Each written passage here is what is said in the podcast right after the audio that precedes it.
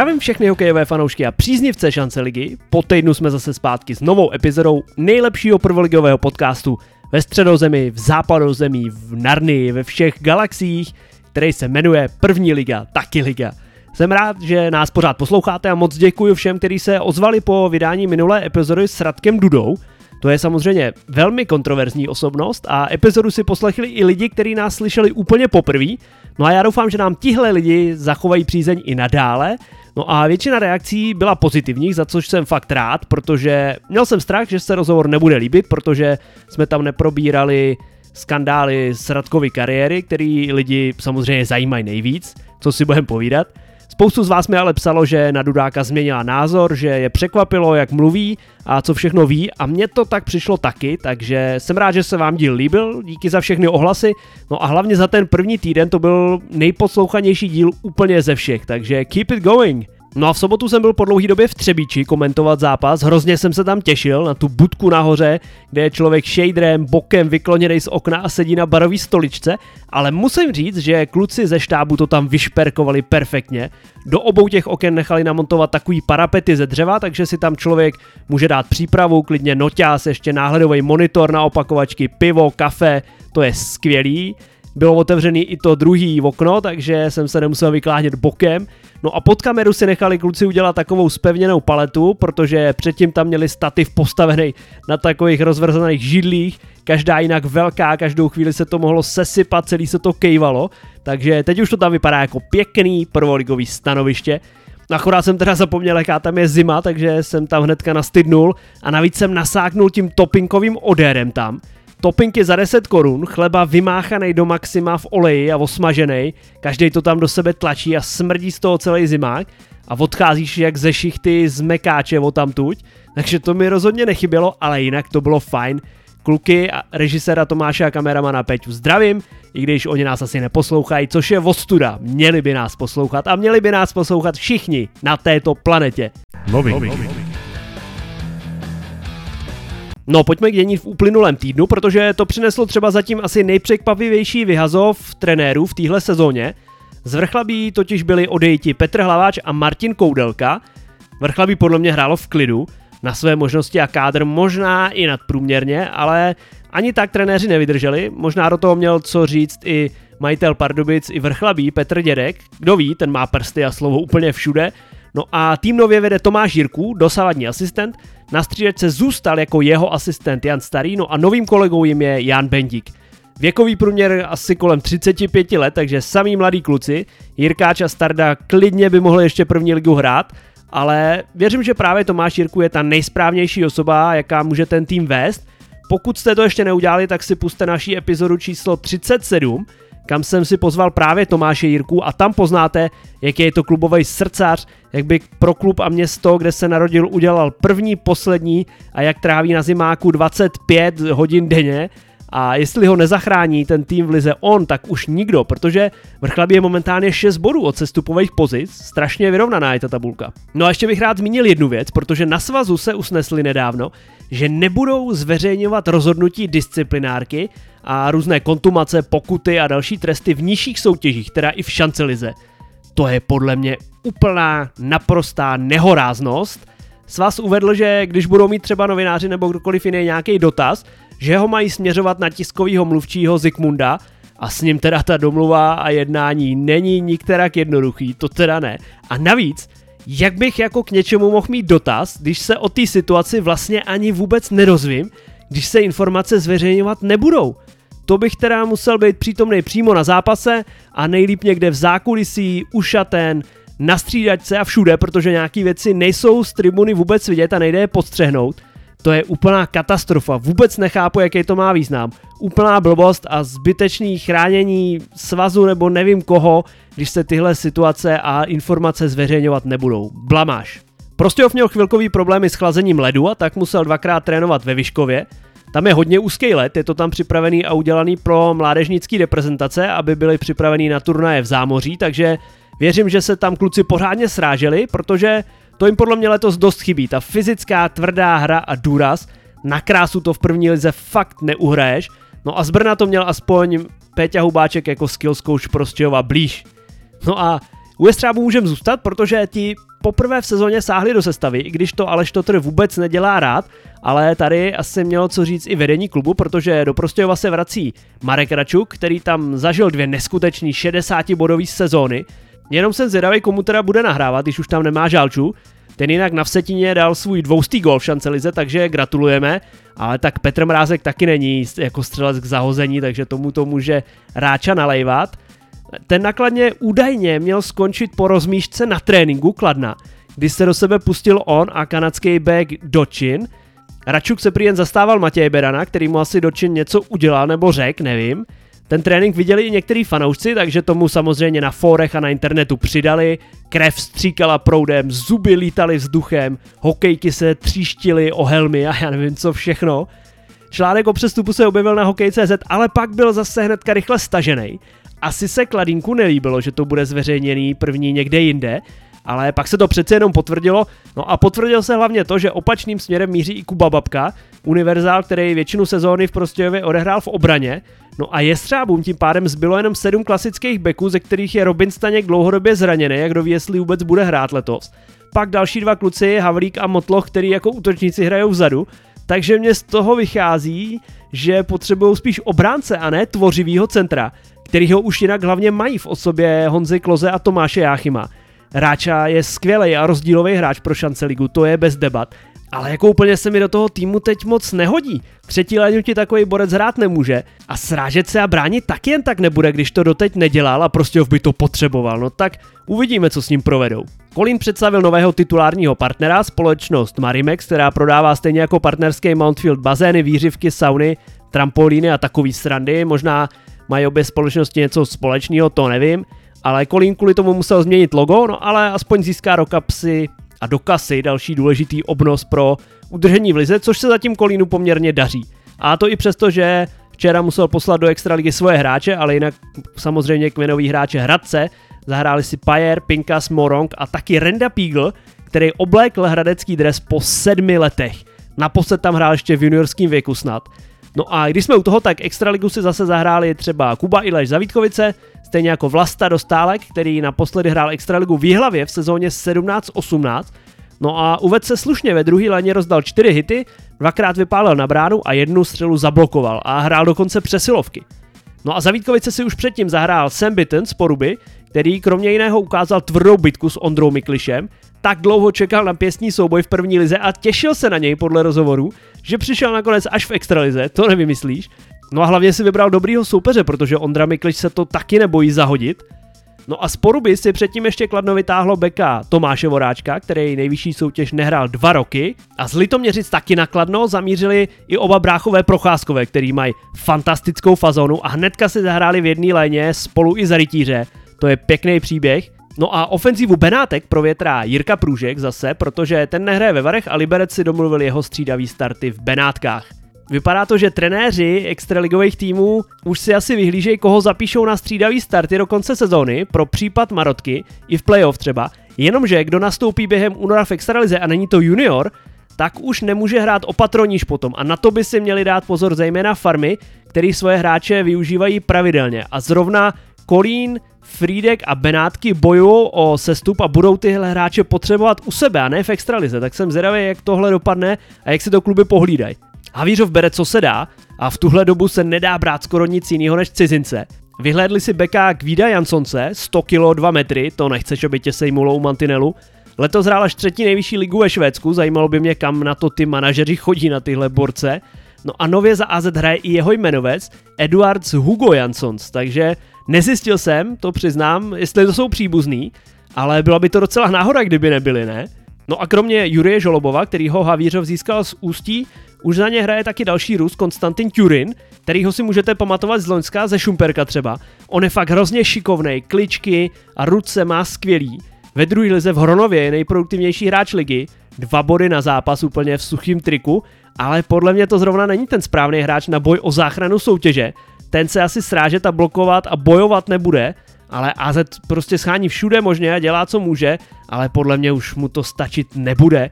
To by týmy předtím museli začít prohrávat a to hodně a to zatím ani u Kolína Ústí nebo Frýdku moc nevypadá. I ty Benátky hrajou mnohem líp, i když teda nevyhrávají. No a jinak poprvé v sezóně si zachytal za AZ i Honza Lukáš z Olomouce, šestý golman už letos. No a chudák Martin Cejpal s takovou mohl klidně zůstat v Kolíně, protože se často nedostane ani na lavičku a to mezi kozly si stěžoval, že nebude chytat a chtěl být vyměněný. No tak to si vybral teda ten nejhorší tým, co mohl. No ale Honza Lukáš za dva zápasy dostal 10 gólů a jako za takhle zdecimovaným týmem fakt nechceš chytat. No a sporu by si ještě Havířov vytáhli jednorožce Michala Hoďka, tu jeho gólovou radost s hokejkou na hlavě prostě musím vidět ještě někdy, takže mu přeju, aby co nejdřív dal gól, ale ono takhle vehementně se asi za té situace, která v Havířově je, radovat nebude. No a ještě změny v Pražský Slávy, která prodloužila smlouvy se svými mladíky Davidem Steinerem, Jardou Brožem a Romanem Málkem mladším. Všichni tři podávají skvělý výkony a Jaroslav Bednář si je nechtěl nechat pláchnout jako sportovní manažer Slávě. No a to bychom měli změny a teď se ještě můžeme dostat krátce k zápasům, protože po novém roce se hrály hned tři kola v týdnu. Pondělí bych vyzvihnul Adama Brýsgalu, golmana Poruby, který dostal šanci v brance proti Benátkám a rozhodně nesklamal. Mladíci na něj vypálili 56 střel a on pochytal až na jednu úplně všechny a rozhodně to nebyly jenom propagační střely, měl tam skvělý zákroky. Benátky mají ale úplně nejhorší efektivitu v zakončení v celé lize. Z 56 střel dát jenom jeden gol, to je úplně otřesný a celková střelecká úspěšnost jejich je na 7,8%. To je stejně málo, jako měla Kadaň předtím, než odstoupila. To je strašný. Katastrofa. Poruba vyhrála ten zápas 4-1, dva góly dal Tomáš Guman, host naší epizody číslo 45, no a tomu to začalo lepit. Doneslo se ke mně, že o něj měli zájem i jiné prvoligové týmy, když se mu nedařilo, ale asi na něj ta hrozba tradu zapůsobila. Uvědomil si, že v porubě to není zas tak zlý a ono to tam pro hráče není zas tak zlý s těma podmínkama a platem. No a v novém roce dal tři góly ve třech zápasech a bodoval už pětkrát po sobě. No a jeden z těch gólů z trestního střílení, tam si teda s Jardskem Pavelkou pohrál neuvěřitelně a vymíchal ho jak žáčka. No a jediný gól Benátek dal náš minulý host Radek Duda. Vrchlaví po páté ze šesti případů vyhrálo nájezdy, ale tentokrát to nebyl Tomáš Zeman, který by to zajistil rozhodujícím gólem, ani ho neproměnil překvapivě, ale Ondra Matýs, který předtím nastoupil zase i za Pardubice a v derby proti Hradci byl fakt jedním z nejlepších hráčů, hned si zase připsal kanadský bod a mohl jich mít klidně víc. Kolín hodně dlouho myslel na body i výhru proti Vsetínu doma, ale ten prostě ukázal svoji neskutečnou sílu a drive. V posledních pěti minutách dali Valaši tři góly a z 2-3 úplně otočili zápas na 5-3. Kozlové vůbec netušili, co se děje, kde jim hlava stojí. Hrozný válec ten Vsetín, když chtějí, tak zaberou a jsou nezastavitelný. No a byl to Luboš Rob, který dal dva ze tří gólů v závěru a hlavně ten vyrovnávací na 3-3 a rozdílový na 4-3 a ukazuje se fakt jako výjimečný hráč pro prvoligový tým a zejména pro Vsetín, který by chtěl bojovat i o extraligu. Lukáš Pajer se radoval z prvního gólu za Ačko Kolína, tedy svého mateřského týmu, kam se vrátil po letech, ale na body to nestačilo. Třebíč v Sokolovi vystřelila jenom 19 ran na branku, ale i tak jim to stačilo na výhru 3-2.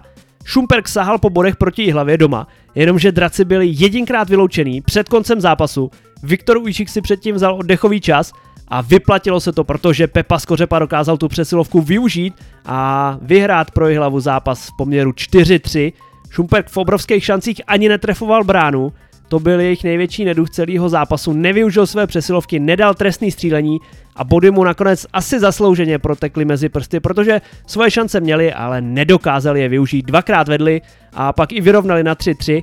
No ale na druhé straně Maxim Žukov, ten se mi teda letos vůbec nelíbí. Strašně takový zmatený, zbrklý zákroky, zbrklý zbytečný pohyby, všechno z něj padá. Pak se ještě nechal podrazit mimo brankoviště a padnul z toho gól. Potom při třetím golu Šumperka se Puk odrazil někam na něj, on ho vůbec neviděl, ale přitom po něm skočil, vypadnul mu z lapačky a Šumperk dal zadarmo i ten třetí gol. Není to prostě vůbec ten Maxim Žukov nepřekonatelný z Loňska, hlavně z loňského playoff. Litoměřice roznesli ústí 7-2 na ledě Slovanu a vezou se na neskutečný vítězný vlně, čemuž pomáhají i oba procházkové, který spolu řádějí v jedné léně. Maximální počet diváků v Ústí, tisícovka tam nechodila ani v dobách, kdy nebyly žádný omezení, to je skvělý pro Slovan samozřejmě. Patrik Marcel z rozjezdu jebnul do puku, takže to snad muselo mít 190 km v hodině, neskutečná mrda k tyči. A stadion má fakt strašně moc střelců. Bráchové, procházkové, Kadlec, Válek, Sihvonen. No a když máš ještě kluky jako Kracík nebo Přikryl, který ti to dají tak, jak potřebuješ a navíc sami dokážou dát gola, když je to potřeba, no tak je jasný, že Litoměřice prostě budou první. Ústí doplatilo na vyloučení, kterých bylo pět a tři z nich dokázal Liťák potrestat. Přerov v Polárce zdemoloval Friedek 6-1, Samuel Baroš střídal po sedmi minutách a třech inkasovaných gólech, ale nebylo to nic platný. V sestavě zase chyběl Pepa Hrabal a nebyl napsaný teda na sítích Zubrů ani jako zraněný hráč, ani jako nemocný hráč, takže by se tenhle borec nevešel do sestavy a už dvakrát za sebou. To je teda dost slušná záhra, to musím zjistit, to mě fakt zajímá. Jediný gol Rysu teda stál za to, když baseball ve vzduchu trefil puk do brány David Klimša. Říkal jsem si, jestli něco takového někdo vůbec trénuje, no a zjistil jsem, že jo, protože třeba hráči Třebíče to zkouší na konci rozbruslení. Myslím, že to byl Vojta Strondala a taky Tomáš Křehlík, který si nechávali dávat nahrávky vzduchem a trefovali to před prázdnou brankou. No a Slávia na ledě Prostějova vyhrála v prodloužení 4-3, když rozhodl Mikuláš Hovorka, První gol z první střely dal Petr Kavka, který se vrátil po dlouhém zranění a hned svůj první ranou proti bývalému týmu ve velkém stylu otevřel skore. Prostě ho vymazal zase dvougolové manko během 21 vteřin tentokrát. No a potom, co předtím na druhé straně Altrichter vystřídal Bláhu, tak i Málek se klidil z brány a vystřídal ho Michailov, protože první třetina skončila 3-3, pak se na gol čekalo až do prodloužení a to nakonec na svou stranu strhla Slávia. Ve středu jsme viděli čtyři čistá konta, jedno v podání Kuby Neužila, který pomohl Sokolovu ze Sparty a pochytal všech 30 hlavských střel. Benátky nedali gól Michailu Petráskovi, který se rozchytal do parádní formy. Pavel Jekel čtvrtou nulou v sezóně získal pro Třebíč 3 body proti Prostějovu a Adam Brýzgala potvrdil vzestup svůj a vzestup poruby, když vynuloval Kolín 31 zákroky. V přervě se porval Dan Špaček s Tadeášem Králem a ukázal, že i když Benátky zápasy těsně prohrávají a nedávají vůbec góly, tak aspoň je v jejich zápase rušno. No a ve dvou zmíněných zápasech nepomohlo středočechům ani povolání Šíra, Najmana, Rychlovského, Pavelky ani Průžka. Liberec dělá, co může teď, aby svoji farmu zachránil a zatím se to vůbec nedaří. No a ještě jedna kuriozitka, Jarda Pavelka na chvíli musel vystřídat, protože mu prasnul řemírek u betonu. A druhou kuriozitkou byl technický gol, Šoustal ušel na prázdnou bránu na konci při powerplay, ale byl zastavený, zadržený nedovoleně, no a rozhodčí přiskli Šoustalovi branku nakonec. No ale Benátky zase 38 střel, žádný gol. To je největší neduch toho týmu proměňování šancí, protože oni ty šance mají a dokážou i soupeře chvíle má přehrávat a přestřílet, jsou aktivní, jsou rychlí na bruslích, ale jak nedáš góly, tak nemůžeš vyhrát. Slávisti si poradili s Ústím 4-2 ale stalo se tak až v samém závěru a rozhodujícím golem Michala Poletina v 56. minutě. Litoměřice smetli Havířov 6-1 a nedali mu vůbec absolutně sebe menší šanci. 8 vyloučení AZu a 5 slovy 5 přesilovkových gólů stadionu. To je neskutečná efektivita. Celkově je to už přes 26% v celý lize a druhý místo za Frýdkem místkem. No a ty rány z první od Sihvonena, který si vzal zpátky od Žalčíka provizorní korunu pro krále střelců a taky Martina Procházky. Ty střely prostě nemohly skončit líp v brance a jenom to dokládá tu obrovskou fazónu a sebevědomí litoměřických hráčů. Šumperk zaskočil v setín a bez bodu Valaši zůstali doma teprve po druhý v sezóně. Vojta Mokrý čaroval a draci byli oproti zápasu s hlavou přesní a efektivní, no a hlavně do sestavy Šumperka se vrátilo hodně překvapivě i Vojta Šilhavý, ten už předtím měl ukončit zraky smlouvu, podle mých informací, kvůli zdravotním problémům, který jsou jen těžko specifikovatelný, má nějaký potíže se srdcem nebo s nějakýma jinýma orgánama, takový návaly slabosti, něco takového, ale vypadá to, že to nějak překonal, je schopný hrát. A právě na ledě v Setína, kde ještě do Loňská dlouho hrál, tak se vrátil na led a pomohl k výhře drakům. V sobotu pak Třebíč i za mý účastí za mikrofonem doma selhala proti Ústí, který ji porazilo po druhý v sezóně, jako teprve druhý tým a teprve jako druhý celek po Slávii si taky odvezlo z KHNP areny všechny body. To vůbec není oblíbený soupeř pro Třebíč, ale jinak teda ten zápas za moc nestal, to vám řeknu, vůbec mě to nebavilo. A použil jsem při tom zápase dost z mojí přípravy a to většinou nestihneš, když se na ledě něco děje. Jinak na ostatních stadionech jsme viděli pěkný přestřelky, třeba v Sokolově padlo 9 gólů, Prostě už po několikáté v sezóně dokázal zápas před koncem vyrovnat dvěma góly v posledních minutách, jenomže zase 118 sekund před koncem zaúřadoval Dan Přibyl, zvýšil na konečných 5-4, totožná situace jako třeba doma proti hlavě, prostě v euforie z vyrovnání a stažení dvougolového manka, ale nekoncentrace v posledních minutách, vítězný gol soupeře v posledních chvílích, no a nula bodů pro Prostějov. Ale ten Ťukes při rozhodujícím golu Sokolova, na, na jehož konci byl Dan Přibyl, ten byl parádní. Georgij Kuzněcov v brance Kolína se stal fantomem a zajistil pro Kolín po třetí v sezóně výhru proti Přerovu. Kozlové jsou noční murou Zubrů, i když v realitě by asi Kozel proti Zuborovi neměl šanci a dostal by na prdel, na ledě se umí pohybovat Kozel asi obratněji než Zubr. 44 zákroků pro kolínského brankáře a výhra v mého aréně 2-1. Dva góly po 11 minutách a pak už Kolín v podstatě jenom udržoval stav, hlavně ve třetí třetině bránil, no a odvezl si hodně cený tři body z Hané. Vrchlabí s novým hlavním koučem porazilo Benátky 3-1, zase jenom jeden gol středočechů, tři prohry ze tří zápasů v tomto týdnu a povážlivě se začíná smrákat nad záchranářskými ambicemi toho týmu. Jirka Berman, vedoucí akademie v Liberci, dal najevo na klubovém webu Benátek v rozhovoru, že Liberec chce svoji farmu udržet a posílá tam teď docela často hráče, ale zatím to vůbec nemá žádný efekt a Tygři to budou mít fakt těžký s tím, aby měli farmu v první lize i příští rok, protože jak už jsem tady jednou zmiňoval, asi nebude mít cenu Benátky držet ve druhé lize, kdyby spadly. A vypadalo by to tam na pád stejně jako Kadaně úplně do kraje a na zánik profesionálního hokeje, pokud by Benátky neudrželi soutěž. Dva góly v tom zápase dal Pavel Mrňa, který dvakrát vykroužil před bránu spoza branky a rozhodl o třech bodech – Litoměřice prohrávali s Friedkem už 0-2 v polovině zápasu, ale při jejich současné formě nebylo vůbec pochyb o tom, že to doma zase otočí a přesně tak se stalo. Stadionu pomohl i Filip Přikryl z Plzně, zahrál si se starším bráchou Romanem, oba dva dali góla, Roman jeden, dva fíčky i mladší Filip, No a stejně jako jeden z bráchů Procházku, tentokrát Ondra, který jich už má 16 a po zásluze si zahrál Extraligu zakladno. 10 gólů padlo v Porubě, kde to začalo padat hnedka z kraje. Za prvních 11 minut 4 góly, Prosadil se pak i nájezdový fantom David Kohut z trestního střílení, jinak on se v Porubě trefil už na začátku sezóny dvakrát dokonce ze dvou případů v nájezdech. V prvním zápase ligy, slušná efektivita. Šumperk vedl 2-1, pak 4-3, ale zase už po miliontý v sezóně nezvládnutý závěr absolutně, znamenal porážku draků 4-6 nakonec, i když vedli 4-3. Poruba vyhrála všechny tři zápasy tohoto týdne, naopak Šuperk jenom jeden a ještě jednu změnu Draku jsem vlastně nezmínil.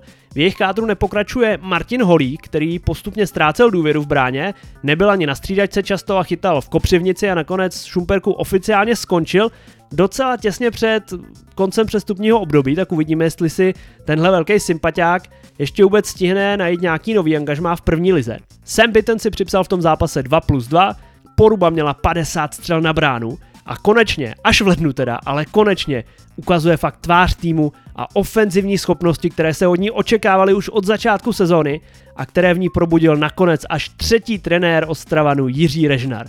No a jeho bývalý tým Havířov dostal od Slávě 4 góly za 12 minut, 2 góly hnedka v první minutě, to vůbec nechceš, neskutečná salva a pak už to nešlo otočit.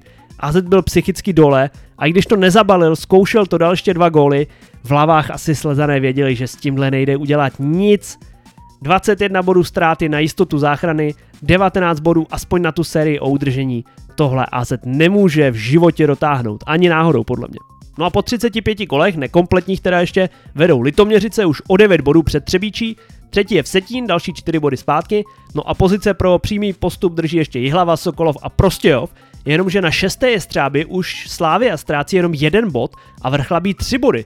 Slušně se tam ta mezírka mezi šestým a sedmým místem zacelila, ještě nedávno byla na nějakých osmi bodech.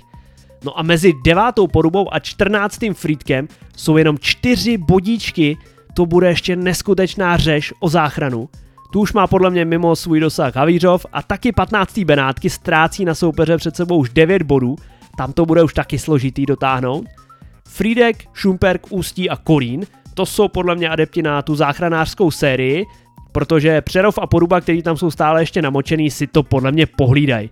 Takže Friedek, Šumperk, Ústí, Kolín, to jsou čtyři týmy, dva z nich se zachrání v pohodě a nebudou hrát playoff ani předkolo a dva z nich si to mezi sebou rozdají tělo na tělo v boji na krev o to, kdo bude čtvrtým sestupujícím týmem letos ze šance ligy a kdo se ještě pak bude zachraňovat v baráži proti druholigistovi, ale tam to podle mě bude, i když bude hodně zdecimovaný ten tým z první ligy, který vyhraje sice tu záchranářskou sérii, ale půjde ještě do baráže, ale baráž proti týmu z druhé ligy musí jakýkoliv tým tady z těch čtyřech, ať už to bude kdokoliv nebo úplně někdo jiný, tak musí podle mě zvládnout, takže tam už to bude docela jistota toho, že ten pátý tým ze šance ligy nespadne, ale může se stát cokoliv. Komu se daří? Jednička dneska pro našeho bývalého hosta, sympatiáka Tomáše Gumana z Poruby, protože ten na přelomu roku ožil, po novém roce dal ve třech zápasech tři góly, v každém zápase má najednou spoustu šancí a i když jsem si ho na podzim v utkáních moc nevšiml, teďka ukazuje, čeho je schopný a že je to skvělý hráč do koncovky. Ve třech zápasech minulý týden měl 12 střel na bránu, hodně aktivní směrem dopředu, ale umí i rozdat přihrávky, 3 góly a 3 asistence a výraznou měrou se podílí na postupu poruby tabulkou, protože bodoval už v pěti zápasech po sobě. Na dvojku dává Michaela Petráska z Přerova, ten nějakou část sezóny byl zdravotně mimo, pak měl taky zápasy, kde dostal laciný brambory a střídal, ale po novém roce se do toho obul parádně, vynuloval Benátky fakt skvělými zákroky, decimoval frýdecké střelce a dovolil jim jenom jeden gól a celkem ve třech zápasech pustil za sebe jenom tři puky se 108 střel, což dává dohromady famózní úspěšnost přes 97%. No a trojku si vysloužil po dlouhý době zase back a tím je Mikuláš Hovorka, ten dal gol ve všech třech zápasech minulého týdne a výrazně tak pomohl ke třem výhrám Slávě a posunu na sedmé místo tabulky. V tabulce pravdy plus 4, v tabulce produktivity taky plus 4 a na ledě strávil proti Ústí skoro 25 minut a proti Havířovu 24, takže mu začali trenéři věřit, dali mu klíčovou roli v týmu a vyplácí se jim to. Průměrné ice time z těch tří zápasů 22 minut a 19 vteřin a hlavně parádní práce a důvěra trenérů. Komu se nedaří. Havířov dostal 112 gólů v téhle sezóně, no a skoro u poloviny z nich, u 51, byl centr první formace Jan Hudeček. To není úplně dobrá bilance. No a na negativní účast na ledě trpí i veterán Benátek Lukáš Pabiška. Ten je úplně nejhorší ze všech hráčů v lize v tabulce pravdy, minus 22 bodů na jeho kontě. A on byl celkem na ledě jenom u 11 vstřelených gólů z 32 zápasů. To je úplně tristní na takovýho hráče. No ale vypovídá to o tom, že Benátky zkrátka prostě góly nedávají. No a o Honzovi Lukášovi by se dalo říct, přišel, viděl, fasoval. 10 gólů ve dvou zápasech. Lukáš měl nastupovat častěji za Havířov už od začátku sezóny, ale kvůli nešťastnému zranění Braňa Konráda v Olomouci musel být k dispozici moře a do Azetu se vlastně dostal až teďka v lednu, no a teď už tam snad ani neměl chodit chudák.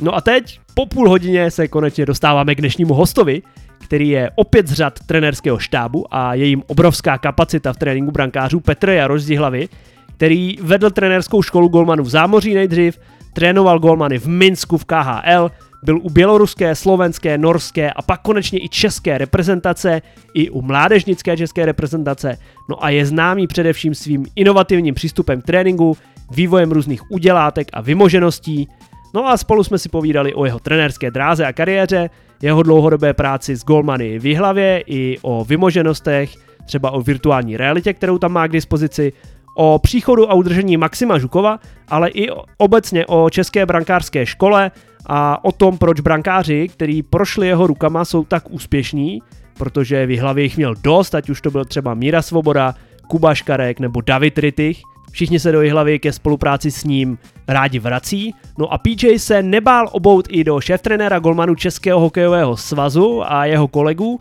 takže zase i trochu kontroverze možná, ale hlavně doufám spousta zajímavých informací a zábavy v následujícím pokecu s Petrem Jarošem.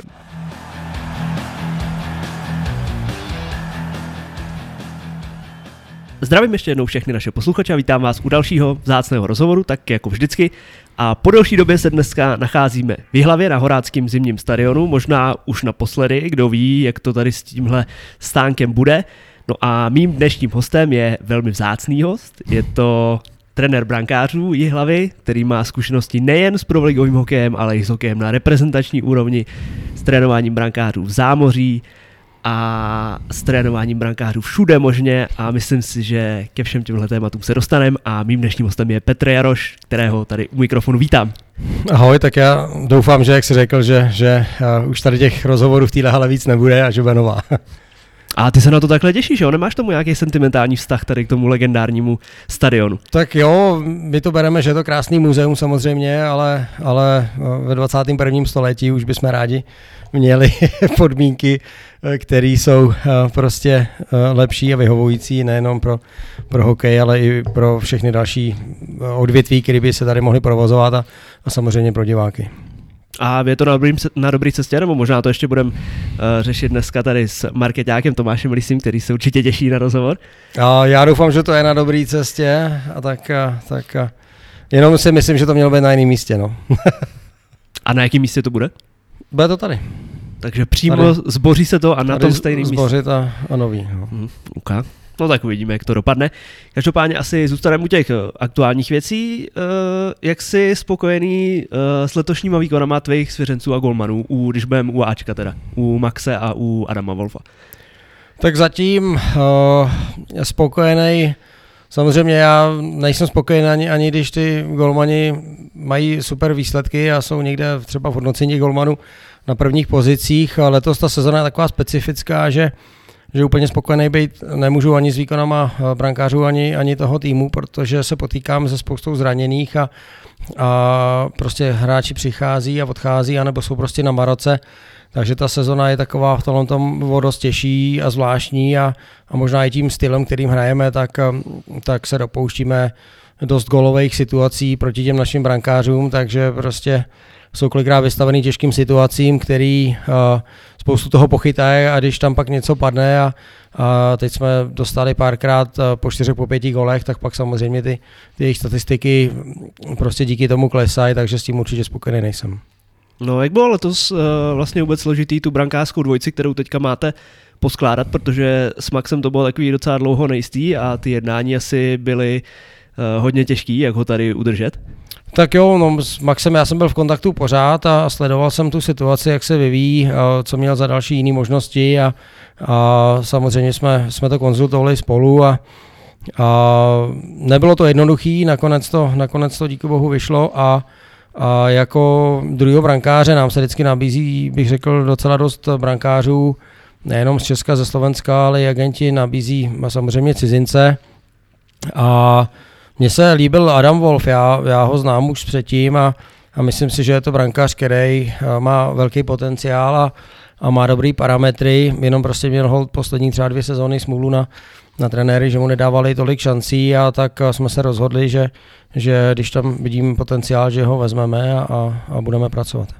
To jsem se chtěl zrovna zeptat, jak v něm ten potenciál viděl, když on vlastně poslední dvě sezóny proseděl na střídačce.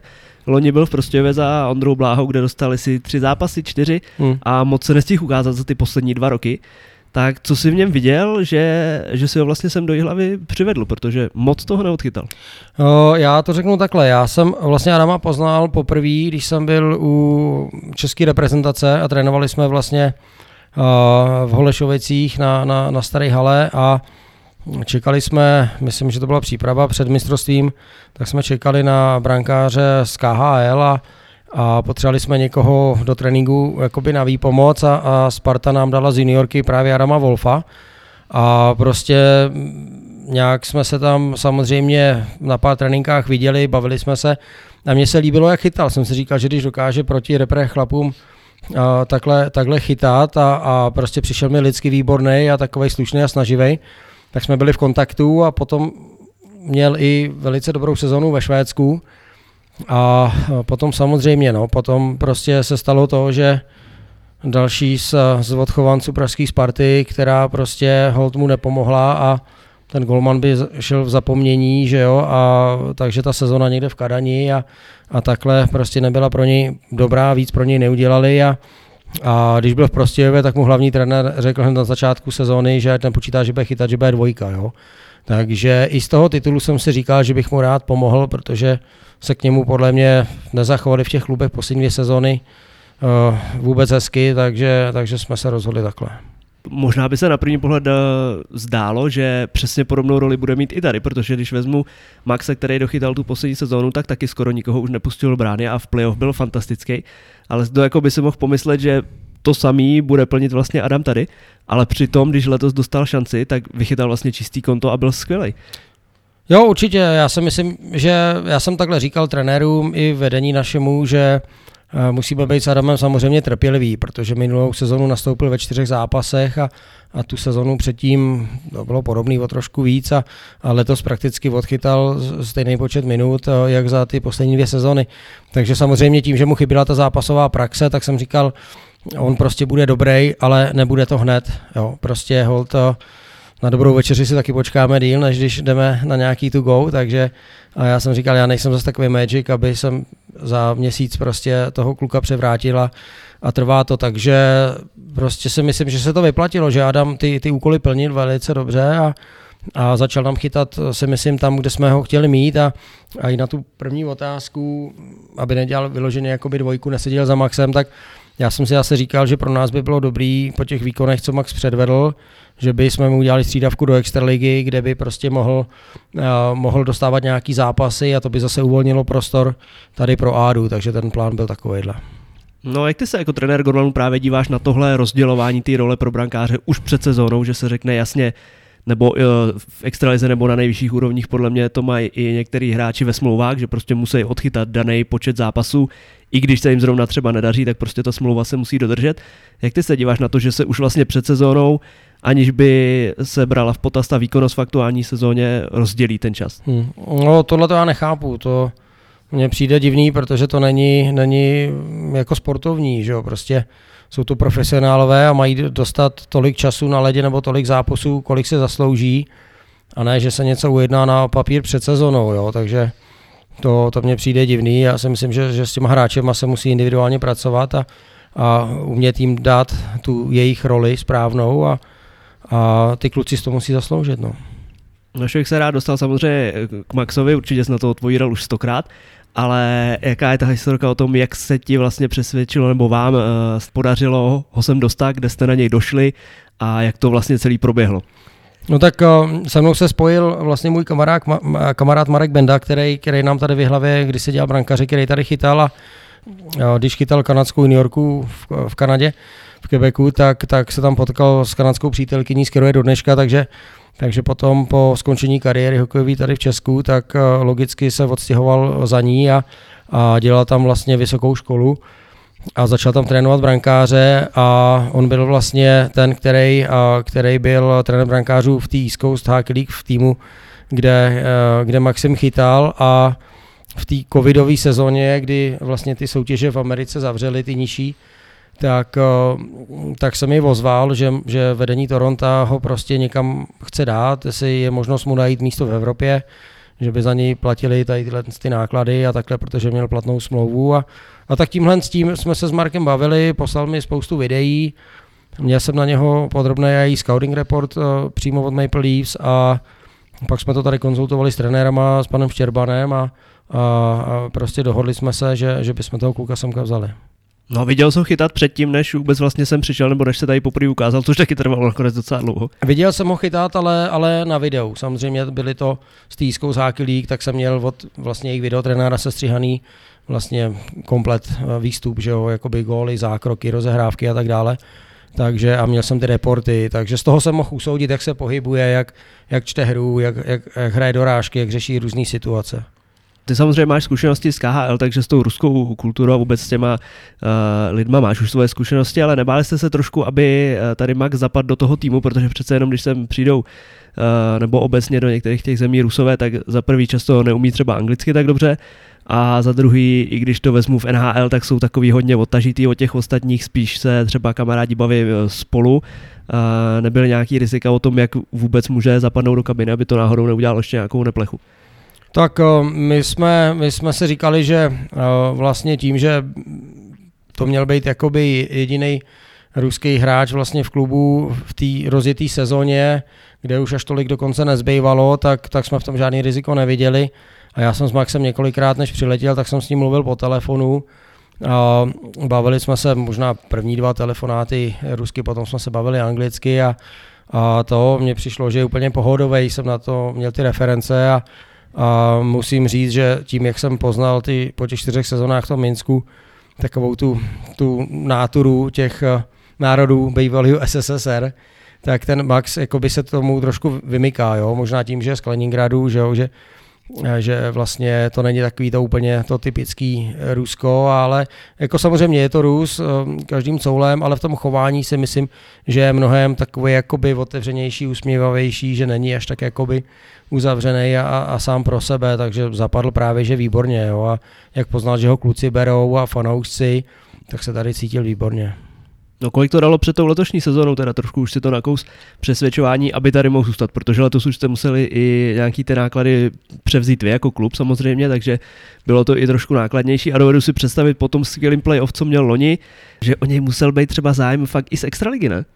Jako zájem tam byl, ale, ale z té extraligy byl takový, že, že mu, eh, co vím já, tak ty kluby nabízely eh, maximální pozici mezi, mezi třema brankářema a asi to nebylo ani až tak úplně, si myslím, finančně zajímavý, že jo, s tím, že by ho třeba posílali do, do šance ligy a, a já mu říkám, že podle mýho je lepší chytat v šance lize co největší porci zápasů a, a vyřídit střídavku někam a zachytat si, než, než být v situaci, kdy bude jezdit jako dvojka a nebude se dostávat do branky a občas ho pošlou do šance ligy, kde hm, třeba ani trenér brankářů nebude nebo bude a nedomluví se s ním a, a ta spolupráce nebude taková a tím, že Maxim tady byl spokojený od toho, jak vlastně uh, tady funguje celý ten chod klubu od, od prvního po posledního člověka, tak pak říkal, že když nad tím tak přemýšlel, takže nemá co řešit a že se chce vrátit sem. Jak ty se obecně díváš na angažování cizinců takhle ve druhé nejvyšší soutěži v té šance lize, protože v letošní sezóně jich je jako hodně po všech týmech ze všech možných e, národností. A hlavně na té pozici golmana, která je prostě v každém týmu jenom jedna, jsou názory, že prostě eh, šance ligu minimálně by cizinci určitě u nás chytat neměli, že by se tam měla dávat šance mladým golmanům. Eh, jak ty se na to díváš? Protože tady v hlavě jste měli pár uh-huh. cizinců i v minulosti, byl tady Nor, byl tady Švéd, byl tady Švýcar snad kdysi dávno takže se vám to tady protočilo docela ty cizinci v bráně. Uh-huh, No takhle, za mě úplně upřímně, uh, prostě problém je samozřejmě, že cizinci semka chodí, protože tam nejsou pro nás žádný, žádný tabulky přestupový a žádný poplatky. A uh, kdybych já mohl rozhodovat, a já už jsem to říkal x let dozadu, že podle mýho šance liga by měla být developmental league, to znamená soutěž, která bude vychovávat mladý hráče pro, pro extraligu a juniorské reprezentace. A říkal jsem, že už dávno mělo být udělaný pravidlo, aby byl zákaz cizinců, cizích brankářů v šance lize. Jenomže prostě uh, můj názor je, že Radek Todt, který vlastně vládne uh, na svazu brankářům, tak uh, to není člověk na správném místě a spoustu věcí, co se týče brankářů a výchovy, Eh, nefunguje tak, jak by na světové úrovni mělo a, a tohle, co si myslím, že je velká chyba od svazu, že to pravidlo ještě není zavedený, protože tím pádem by všechny kluby vlastně museli používat, dejme tomu svý odchovance nebo vlastně český brankáře, že jo, protože i nějaký slovenský brankáři Tady chodí nám se každý rok nabízí spousta, ale jsou to prostě brankáři, který na tu úroveň nemají a, a myslím si, že, že co se týče brankářů, tak v šance Lize by měli chytat pouze Češi. A ty nemáš sám nějaké ambice, uh, že bys chtěl do budoucna pracovat nebo se nějak angažovat právě na svazu v takových možných pozicích a trošku tady tu brankářskou, to trénování a tak rozvíjet, protože uh, máš už za sebou toho spoustu a určitě bys uh, byl jeden z ideálních jakoby kandidátů. Já bych se tomu asi nebránil, já si myslím, že spíš svaz se brání tomu, protože uh, mně to přijde, že tak, jak oni fungují, tak uh, tak nemají rádi lidi, kteří budou odporovat nebo nemají stejný názor, jak oni. Jo, a to si myslím, že je chyba, že pokud si budeme všichni kejvat do jednoho talíře, tak, tak se nikam neposunem. Takže, a jak jsem říkal, Radek to prostě spoustu, spoustu věcí eh, prostě nedělá. Já jsem třeba úplně zděšený, že eh, já třeba jsem tady sedmou sezonu nebo osmou, co jsem se vrátil z Minsku, a od té doby jsem byl na jediným semináři, který byl pro vzdělávání trenérů, brankářů, jsme byli pozvaní, já bych to viděl, jestli to bylo od akademií pro jo, šance Liga a Extraliga, trenéři brankářů, tak jsme měli jediný seminář, který ještě nám vlastně dohodil Janko Lašák, kdy si slovenský svaz domluvil vlastně trenérku Maraju Mantin, která vlastně trénuje jakoby vyloženě kondičku nebo suchou přípravu pro, pro brankáře. A, a tak jsme tady všichni trenéři brankářů z Jihlavy jsme tam byli a já jsem říkal, to není možný, že tohle je jediný seminář, jo, protože prostě by bylo potřeba, aby jsme semka zvali odborníky z Finska, ze Švédska, z Kanady a, a udělali seminář třeba dvakrát, třikrát ročně pro trenéry golmanů, protože nás, trenéry brankářů v Česku, nikdo nevychovává. Jo, to je podle mě obrovský problém, protože prostě aby Radek to odřekl, vy jste všichni dobří, dělejte to po svým, to si myslím, že je strašně špatně. Mluví a tak to funguje? Tak to funguje, jo. Mluví se o tom, že bude trenerská licence pro trenéry brankářů, do dneška není, a prostě ty semináře by měly být zaměřený od těch odborníků z jiných zemí, že prostě jak řešíme situace spoza branky, jak řešíme prostě dva jedna práci, hokejkou, rozhrávky, že komunikace, beci, golmani a nic takového není. Jo? A potom na konci toho semináře prostě ten člověk chtěl té paní poděkovat, ani neuměl vyslovit její jméno a řekl, že zjistil, že, že celou dobu dělá jakoby suchou přípravu špatně, že se teď dozvěděl spoustu nových věcí. A já jsem si říkal, sakra, já už vodní sedm let kupuju online její program a prostě beru si z toho věci. Jo, to je přístupný online a to může dělat jakoby každý. A když šéf brankářského rozvoje řekne, že zjistil, že všechno dělá špatně, tak jsem domů jel zpátky dost takový jako zklamaný, že nemáme, nemáme semináře, evidentně ten pán se nedomluví anglicky a, a prostě ještě řekne, že, že se naučil spoustu věcí, pro mě tam spousta věcí byla normálních. No. No a když teda takovýhle semináře k dispozici nejsou, tak kde ty si hledáš takhle ty uh, nové věci, kterými se učíš a vzděláváš? Musíš si to tím pádem hledat sám a hlavně předpokládám asi v zahraničí. Určitě, já, já si myslím, že mě i hodně posouvá to, že uh, vždycky nebo často jsem pracoval nebo spolupracoval s nějakýma, ať jsme tady měli v Dukle nebo v tom Minsku nebo u těch různých repre uh, mezinárodních, uh, že to jsou cizí brankáři, který už si prošli nějakou výchovou, pracovali s jinýma trenérama a byli vlastně uh, otevřený jiným, jiným třeba tréninkovým možnostem nebo, nebo systémům, než jsou tady. A další věc je to, že já třeba, jak jsem byl pozván do, do kempu, do Detroitu, do toho development kempu, tak samozřejmě jsem se tam seznámil s trenérama brankářů, ať z hlavního týmu nebo s farmy. Ještě tam byl trenér ze Švédska, s kterým komunikuju, plus mám další kamarády, který prostě trénují na, i v NHL jakoby organizacích, třeba na farmách, takže samozřejmě uh, spolu konzultujeme spoustu věcí, nebo mi posílají videa, uh, co oni prostě dělají, nebo co mají od jejich šéfa, takže tohle je to, co prostě mě baví a co si myslím, že mě posouvá, protože mám nějaký ty kontakty, já jsem schopný se domluvit jak anglicky, tak rusky, takže to si myslím, že je taková dobrá pomoc tomu, aby člověk pořád pracoval na sobě. A tak je skvělý, že ty kolegové i ze zahraničí jsou všichni tak jako sdílní, že nemají problém no. Eh, s nějakýma věcma, který si třeba na který si sami přijdou a který vidějí, že fungují, tak nemají problém s tímto sdílet dál i třeba úplně do jiných zemí. Dokázal bych si představit, že si to budou jako třeba skrývat nějaké věci, které eh, nechtějí, aby na ně přišli ostatní. No, no můj poznatek je takový, že, že ty lidi z toho zahraničí jsou úplně otevřený a rádi se podělí o cokoliv. A když to naopak tady v Česku my každý si chceme furt sedět na, na tom, jakoby, co víme a nepustit to dál, ale prostě ta zkušenost z toho zahraničí je úplně jiná. No. Určitě se k tomu dostaneme, kde jsi všude v zahraničí byl, ale zůstal bych ještě tady v hlavě. Ty máš úplně volnou ruku při tom, když třeba scháníte nějakého nového golmana, takže je to všechno ve tvých rukách, kde si ho seženeš, jak ho sem přivedeš a potom taky samozřejmě záleží určitě na nějakých finančních možnostech, že jo, kdo se tady může hrát, kdo ne ale jinak ten scouting a všechno okolo máš na starosti ty u brankářů? Víceméně jo, samozřejmě uh, vždycky, vždycky já chci být ten, kdo si ty brankáře nějak sleduje a a abych měl představu, s kým bych potřeboval, nebo koho bych tady chtěl mít, s kým bych mohl pracovat a s kým by se dalo pracovat. A potom se to samozřejmě konzultuje s vedením a, a s trenérama a myslím si, že jsme se vždycky, vždycky shodli.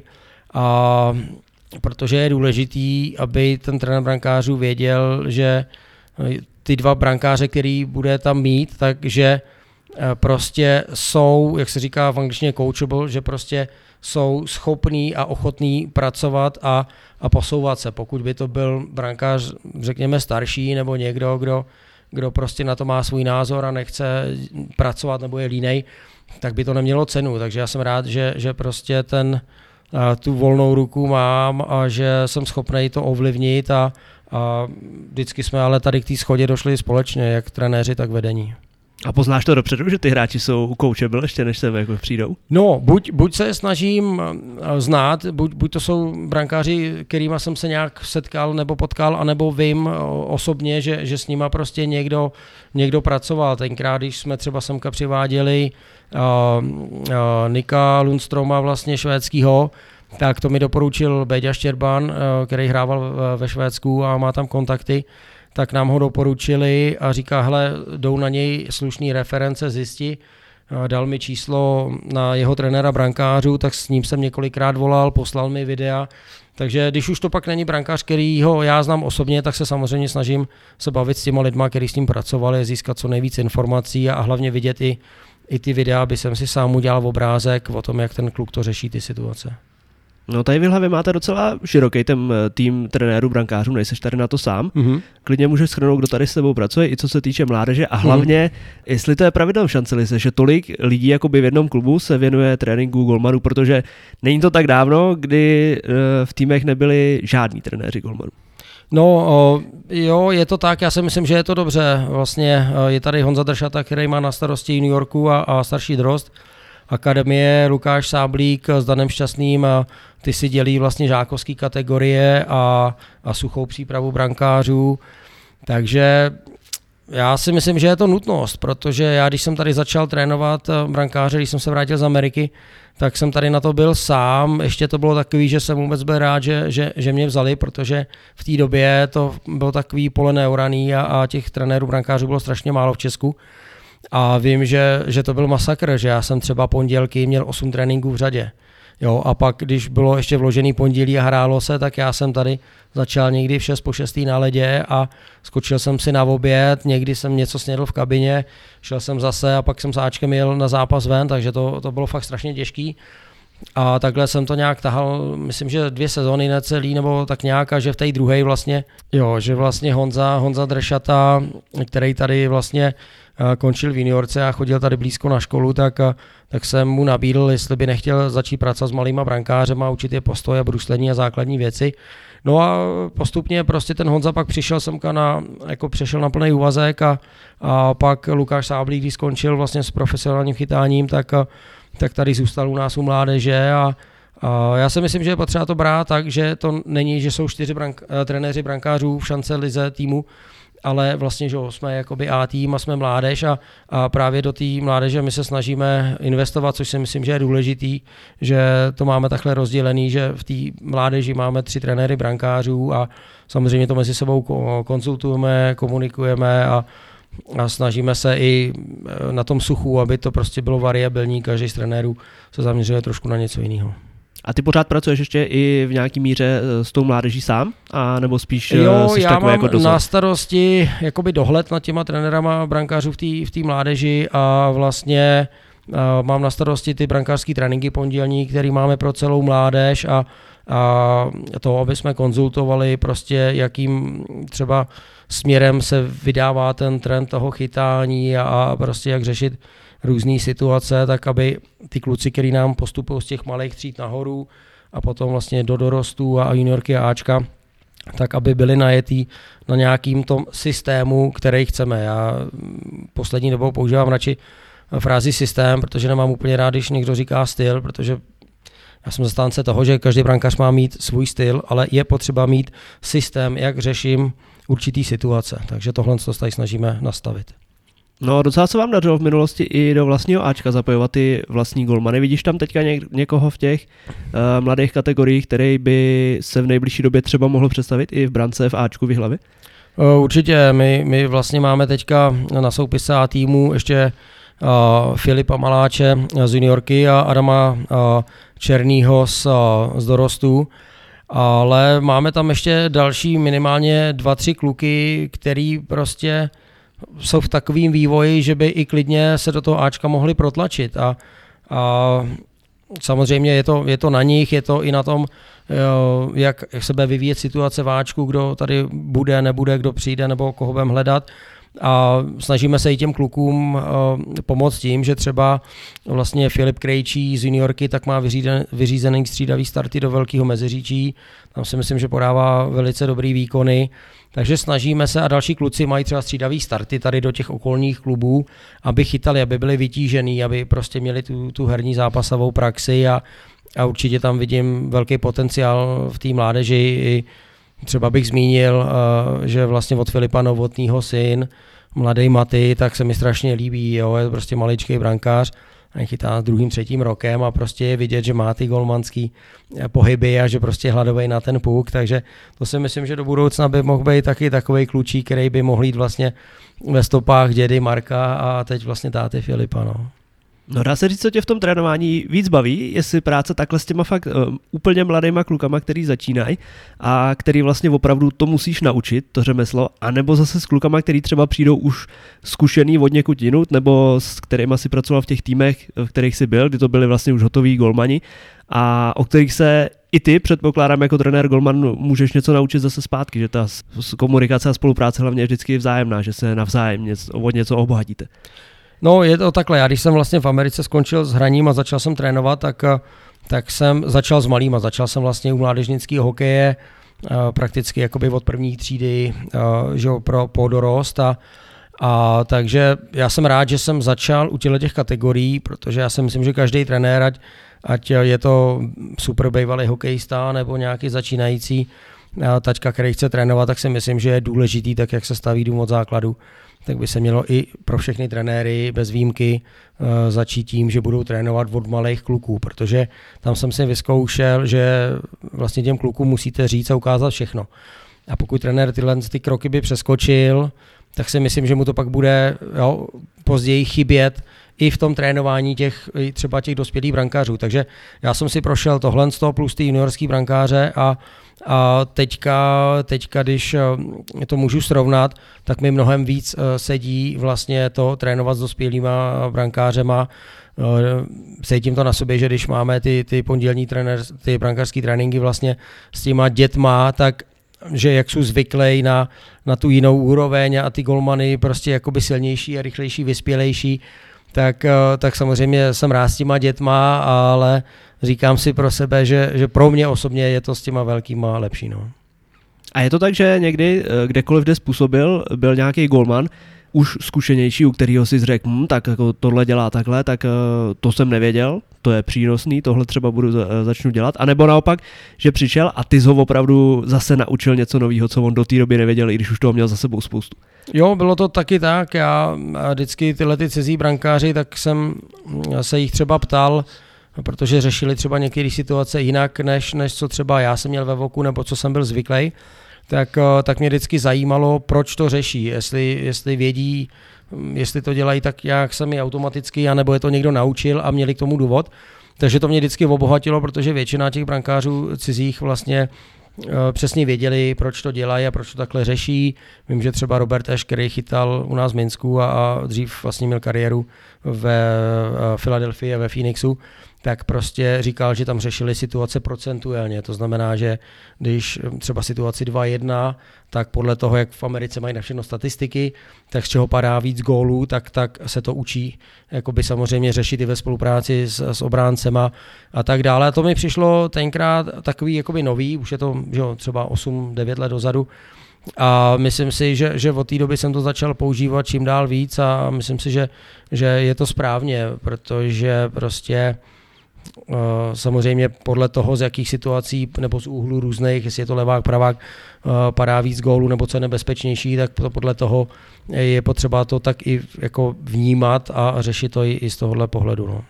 To znamená, jak se to mám představit v praxi, že když je nějaký třeba přečíslení jedou na golmana ve dvou proti jednomu, tak on už přemýšlí spíš, jaká je pravděpodobnější varianta, jak to skončí a na to už se připravuje, jo, místo jo. aby sledoval, co se přímo jakoby děje před ním. Řeknu příklad, třeba konkrétně ta 2-1 situace v českém hokeji dřív, ještě než jsem odcházel do Minsku, tak, tak spousta klubů nebo trenérů to řešili situaci 2-1 tak, že obránci řekli, ty si bereš volného hráče, a hráč s pukem má brankář a ten ho řeší. No a mně to vždycky přišlo zvláštní, protože prostě pokud budu řešit jo, z pohledu obránce situaci tak, že, že nechám hráče s pukem brankáři, tak je to takový 50 na 50, padne to, nepadne to. No a tenhle ten Robert Eš mi právě říkal, že to řešili eh, v NHL úplně naopak, že prostě chtěli uh, z větší části, aby ten hráč, ten, ten obránce uh, prešoval prostě dělat tlak na toho hráče s pukem, protože ten hráč s pukem, když střílí, tak, tak samozřejmě je nebezpečné, protože ty finál, ty střeliště jsou že v rychlosti a jsou tvrdý a jsou přesnější. A ještě se samozřejmě rozlišuje, jestli ten hráč na tom puku je levák nebo pravák. Pokud má hůl ke středu, k ose, tak vždycky chtěli dělat velký tlak, aby vůbec neměl možnost střílet, protože ten hráč je mnohem nebezpečnější. A on říkal, já jsem třeba byl dobrý na laterální pohyb, pohyb do strany, tak jsme chtěli, aby beci napadali toho hráče s pukem, samozřejmě, aby se snažili mít nahrávku. A protože ta nahrávka, když projde, tak té rychlosti už nemusí být perfektní, nemusí být na hůl. A já, když vím, že ten back mi jde na toho hráče s pukem, tak já si hlídám ten přesun a říkal, že byli mnohem efektivnější v řešení tohohle. Tak to jsou třeba jo, jeden z těch příkladů. No. Eh, jaký tady máte pro trénink golmanů v hlavě podmínky? Vím, že tady kromě všeho eh, možného jiného eh, je tady i možnost nějaký virtuální reality, že? Ano, máme virtuální realitu, tam je vlastně i umělej let, takže to se, to se využívá. Máme tady vlastně dvě rozcvičovny, máme tady posilovnu, co se týče, co se týče vlastně na ledě, tak máme spoustu, spoustu různých pomůcek, které jsme si po většinu vyrobili, vyrobili sami, ať to jsou různé síťky nebo zástěny před brankáře nebo pomůcky na tyčování nebo bílý puky. Že jo, takže se snažíme, aby, aby to bylo takový rozmanitý pro ty brankáře. No. Já už jsem se o tom bavil tady s těma všema se repetičkama s, s Romanem Pešoutem, který tady vlastně s mm. působil, tak ten mi vyprávěl, co všechno tady máte, co všechno on teďka používá na mm, vsetině. Mm. Tak nám zkus popsat nějaký tady ty se repetičky, na který jsi přišel vlastně asi sám, e, předpokládám. Jo, ně, něco samozřejmě. Nebo jste si to i vyrobili sami své pomocí. Jako asi všechno, kromě těch bílých puků, jsme si vyrobili. Jo. Prostě ty síťky, ty myši je taťka, který byl celý život čalouník, takže ten to má v malíčku. A vlastně máme dva typy teďka takových, jakoby, jedna je vyloženě síťka, která má prostě malé dírky, je to jak dírkovaný dres, že vlastně to nutí brankáře se samozřejmě víc soustředit. A, a to znamená, sledovat. ten brankář to má přes oči Má to, má to daný na, na mřížce, jo? ne na očích jako brýle, ale má to na mřížce. A potom Patrik Bartošák, který vlastně tady s náma trénoval, než, než odletěl chytat uh, do Švédska, tak uh, tak jsme taky, že to je další věc, že s Patrikem třeba komunikuju různé věci, jak tam trénují, co tam dělají s brankářema, tak ten mi zase poslal, že, že měli síťku, tam takovou zas stěrku před oči, která vlastně je vykrojená jakoby podle mřížky, že, že ty golmani vidí jenom před sebe a ty boky a spodek vlastně je jakoby látka, takže vlastně uh, jim to zabírá periferní vidění uh, z toho důvodu, aby ten vystřelený půk, prostě protože my chceme, aby ten brankář ho sledoval očima, aby otáčel hlavu, tak je to nutí vlastně se otáčet a pokud ten puk nechytnou třeba do lapačky, je to puk vyražený, tak aby ho hnedka vlastně našli a, a řešili tu dorážku, takže takže tohle z toho to mi taky vyrobil tačka a pak, pak jsme tady vlastně dělali různý, různý zástěny před brankáře, který vlastně simulují clonu v zápase před brankářem a, a máme tam různý eh, prostě plachty, které jsou dělané z autoplachtovaný pevný, jo, takže prostě a pak tam máme taky zařízení na tečování puků, že ten puk eh, se vystřelí po ledě a ono se to může zvednout nahoru a ještě přitom tečovat do stran, takže to mění směr, protože to se v zápase tak často stává. Nejhorší jsou taky ty nastřelené puky. Zápěstím, kde to někomu štrejchne rameno, druhýmu zadek a a je to v brance, že? To dvakrát to změní směr a tak dále, takže se snažíme ty, ty situace nasimulovat, jo, samozřejmě není to úplně tak přesný jak v zápase, ale, ale dostáváme se nějak k tomu a ty brankaře to zase baví, je to, je to pro ně změna a pak to baví i ty hráče, protože prostě je to taky něco jiného a já vždycky věřím tomu, že že ten trénink musí být, musí být jakoby tvrdý, musí tam být nějaká disciplína, přísnost, ale, ale musí to být i takový, že ty hráče to baví a že se na to těší. No, k tady těm situacím, hlavně eh, k těm, eh, aby se dali nasimulovat nějaký situace ze zápasu, jsou nejlepší samozřejmě, kromě těch pomůcek, hráči přímo v poli. Uh, jak často máš ty k dispozici nějaký hráče z týmu, aby s nima mohl některé situace takhle pro ty golmany simulovat, ty zápasový? No, prakticky každý den. My máme tady nastavený systém takovým způsobem, že vlastně před každým tréninkem týmovým tak eh, já mám zvlášť 30 minut, 30 minut eh, na ledě s brankářema. Předtím teda ještě máme 30 minut sucho a pokud je to den po zápase, tak prvně dělám s brankářem, který chytal rozbor videa, pak jdeme na 30 minut na, na suchou přípravu a, a potom máme vlastně brankářský trénink, na který si většinou beru 4 až 6 střelců a, a funguje to tak, že máme samozřejmě uh, týmovou skupinu, takže já si promyslím, jaký trénink a na co se chci zaměřit. Druhý den na tom 30-minutovém brankářském tréninku a napíšu do skupinu. Třeba potřebuju dva obránce, čtyři útočníky, nebo potřebuju tři praváky, potřebuju tři leváky, a nebo prostě třeba potřebuju 4 až 6 střelců, kohokoliv a mám vlastně připravený ty cvičení a, a kluci okamžitě reagují, během pár minut se tam, se tam napíšou, jsou tam daný jasný pravidla, kluci to znají, funguje to perfektně a, a víceméně bych řekl, že každý den používám, používám střelce, čtvrtky, protože je to po středečním zápase, tak třeba konkrétně dneska, tak, eh, tak děláme třeba dvakrát, třikrát do měsíce bez střelců, že děláme jenom práci hokejkou. No a můžeš říct, že si i takovýhle tvoje cvičení, které jsou jakoby ušitý spíš na brankáře, jestli to něco dá i těm hráčům do pole, v té jejich práci zase dát ten gol a hlavně se to baví, takovýhle tvoje cvičení? Já, já si myslím, že určitě je to pro ně přínosný, uh, konkrétně naši mladí hráči, ať je to, ať je to vlastně uh, Brožík nebo Cachnín nebo nebo uh, Judič mladý, tak prostě ty kluci chodí a chodí i starší, jo, je, já se i divím, že prostě i ty starší hráči nám chodí na ty, nebo ne, divím, jsem za to rád, že se prostě nahlásí, protože já se snažím samozřejmě udělat ty situace, aby byly herní, to znamená, že to jsou eh, situace, které se vyskytují v zápase a vlastně je to přínos jak pro brankáře, tak pro ty střelce.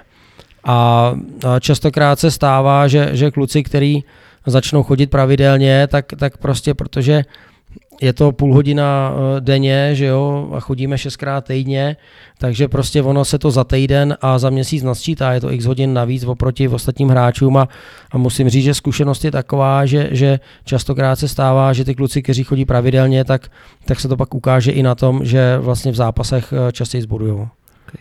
No, když zůstaneme ještě u toho trénování golmanů, je nějaký univerzální postup nebo nějaký věci, které se dají aplikovat úplně na všechny golmany, a nebo spíš je potřeba zejména u těch brankářů fakt ten individuální přístup a každý mu se věnovat tak podle jeho vlastně dispozic, podle i tělesné konstituce, nějaký podle toho stylu, kterým ten golman by měl chytat nebo chytá. Tak určitě takový ty, ty základní věci, ty jsou pro všechny podobné, co se týče postoje a, a bruslení a, a sledování puků a hraní dorážek. A pak, pak se to samozřejmě liší od, od velikosti toho brankáře a od nějaký eh, toho, jak je rychlej, jo, prostě jestli je to těžší brankář nebo lehčí, nebo jo, který dokáže líp nebo hůř vykrývat prostor, takže potom upravujeme individuálně třeba hloubku chytání, jak vysoko chytá, nebo naopak, že mu stačí být zajetý a, a jak třeba vykrývat uh, střely z horších úhlů, jakoby útyček, aby to měli dobře pokrytý. Ne, třeba každý má, má kloubní rozsah uh, v těch kyčlích a v kolenu, aby, aby se prostě byl schopný asi tam dobře sednout do toho zákroku, který mu se říká reverse a tak podobně, takže potom už je potřeba, aby, aby eh, to bylo šitý tomu brankáři přímo na míru. No existují podle tebe, vždycky se říká, že je nějaká třeba finská brankářská škola, švédská. Existuje něco podle tebe, co pro určitý země v tom golmanském pojetí je fakt charakteristický, že to mají víc výraznější v jedné zemi a v druhé zemi to je takhle, anebo už to je teďka spíš opravdu o tom individuálním výkonu toho jednoho daného golmana? Tak dřív to bylo daný tak, že Švédové víc chytali na takovou tu krabici, že ho blokovali a a Fini zase chtěli být eh, až moc aktivní, jakoby chytání rukou, což není špatný, ale v některých případech, když to byly dorážky zblízka, tak už tam zase vznikaly otvory, které jakoby zbytečně otvíraly, záleží podle situace. Ale já si myslím, že, že není dobrý jako jít jednou, jedním směrem, jednou cestou. Já vím, že tady na Českým svazu se jim to strašně zalíbilo jít jakoby finskou cestou, a já si myslím, že bychom fakt jako neměli nikoho kopírovat. Já bych eh, se snažil zaměřit eh, tím, co je nejefektivnější v těch určitých situacích. Právě možná proto, jak jsem mluvil o tom, že by bylo zajímavé udělat semináře, jak se řeší situace prostě okolo bránky, spoza bránky a, a pak třeba přečíslení a tak dále. A, a z toho bychom si my vlastně mohli vyvodit to, co se nám zdá, že je nejefektivnější a, a to použít. To si myslím, že by bylo Eh, lepší, než, než jít vyloženě nějakou jednou cestou. Ty jako trenér golmanů seš eh, při zápasech na lavičce? Ne, já jsem, eh, dřív jsem býval na, na lavice, myslím si, že, že je to zbytečný.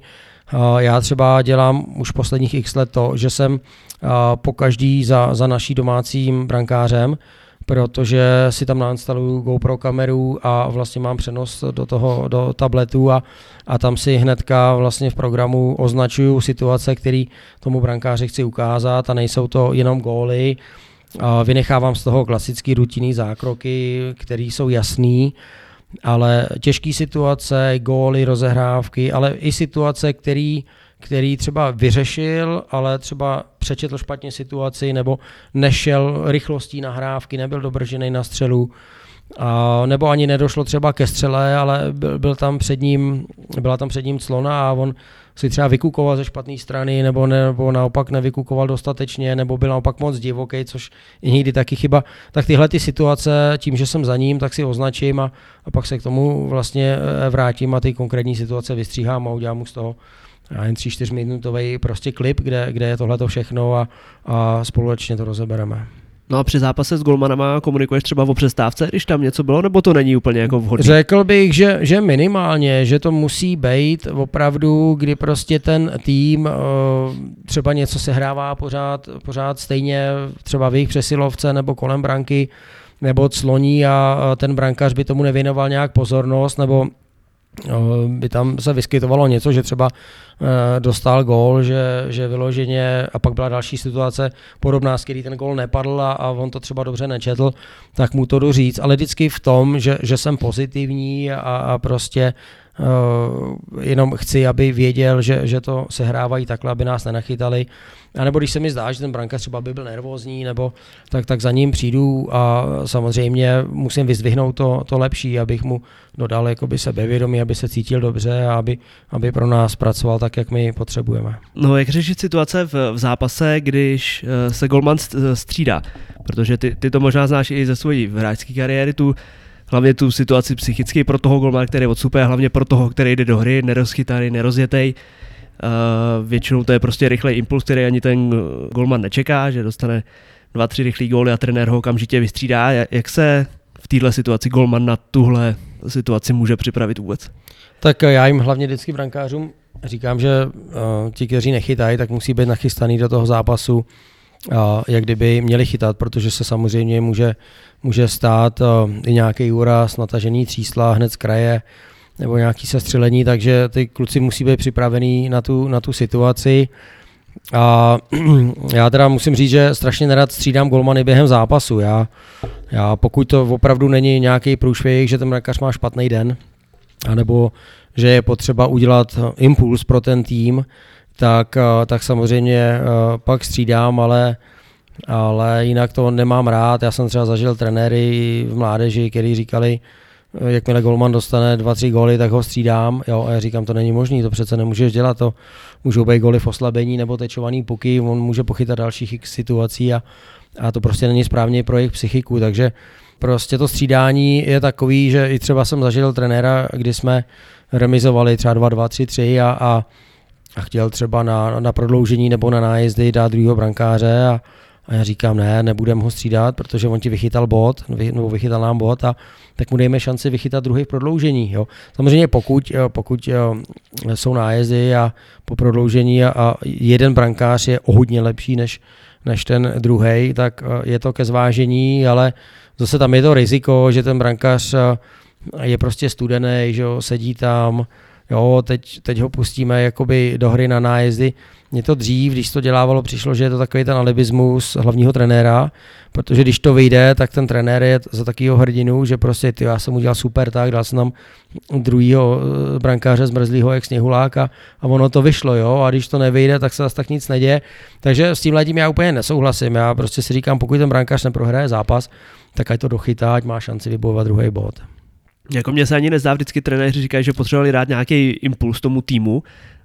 Dokáže vůbec takovýhle impuls, něco jako střídání golmanů opravdu mít nějaký reálný vliv na, na tu hru, že, že, že se to celý najednou otočí? Mně jako to tak nepřijde moc. Párkrát se mi stalo, že jsem to zažil, ale, ale to je takový jako ojedinělý, jo, protože ten impuls, prostě pokud tým, vždycky říkával Marek Sikora v Minsku, který vlastně s kterým jsem tam byl, tak říká, pokud ten tým začne špatně, začnou prostě uh, volně hrát a zjistí po první třetině, že to není ono, tak, tak už to není, jak když rozsvítím, že přepnu vypínač a ten tým se mi nastartuje. Jo. Prostě tak, jak k tomu přistoupím a toho sou, soupeře třeba podcením a špatně se připravím na suchu nebo na té rozsvíce, tak, tak to pak vypadá. Jo. To znamená, že ty impulzy, já nevím, no, prostě je to tým, jo, někdy je, je blbý, když, když celý tým vypadá prostě mdle.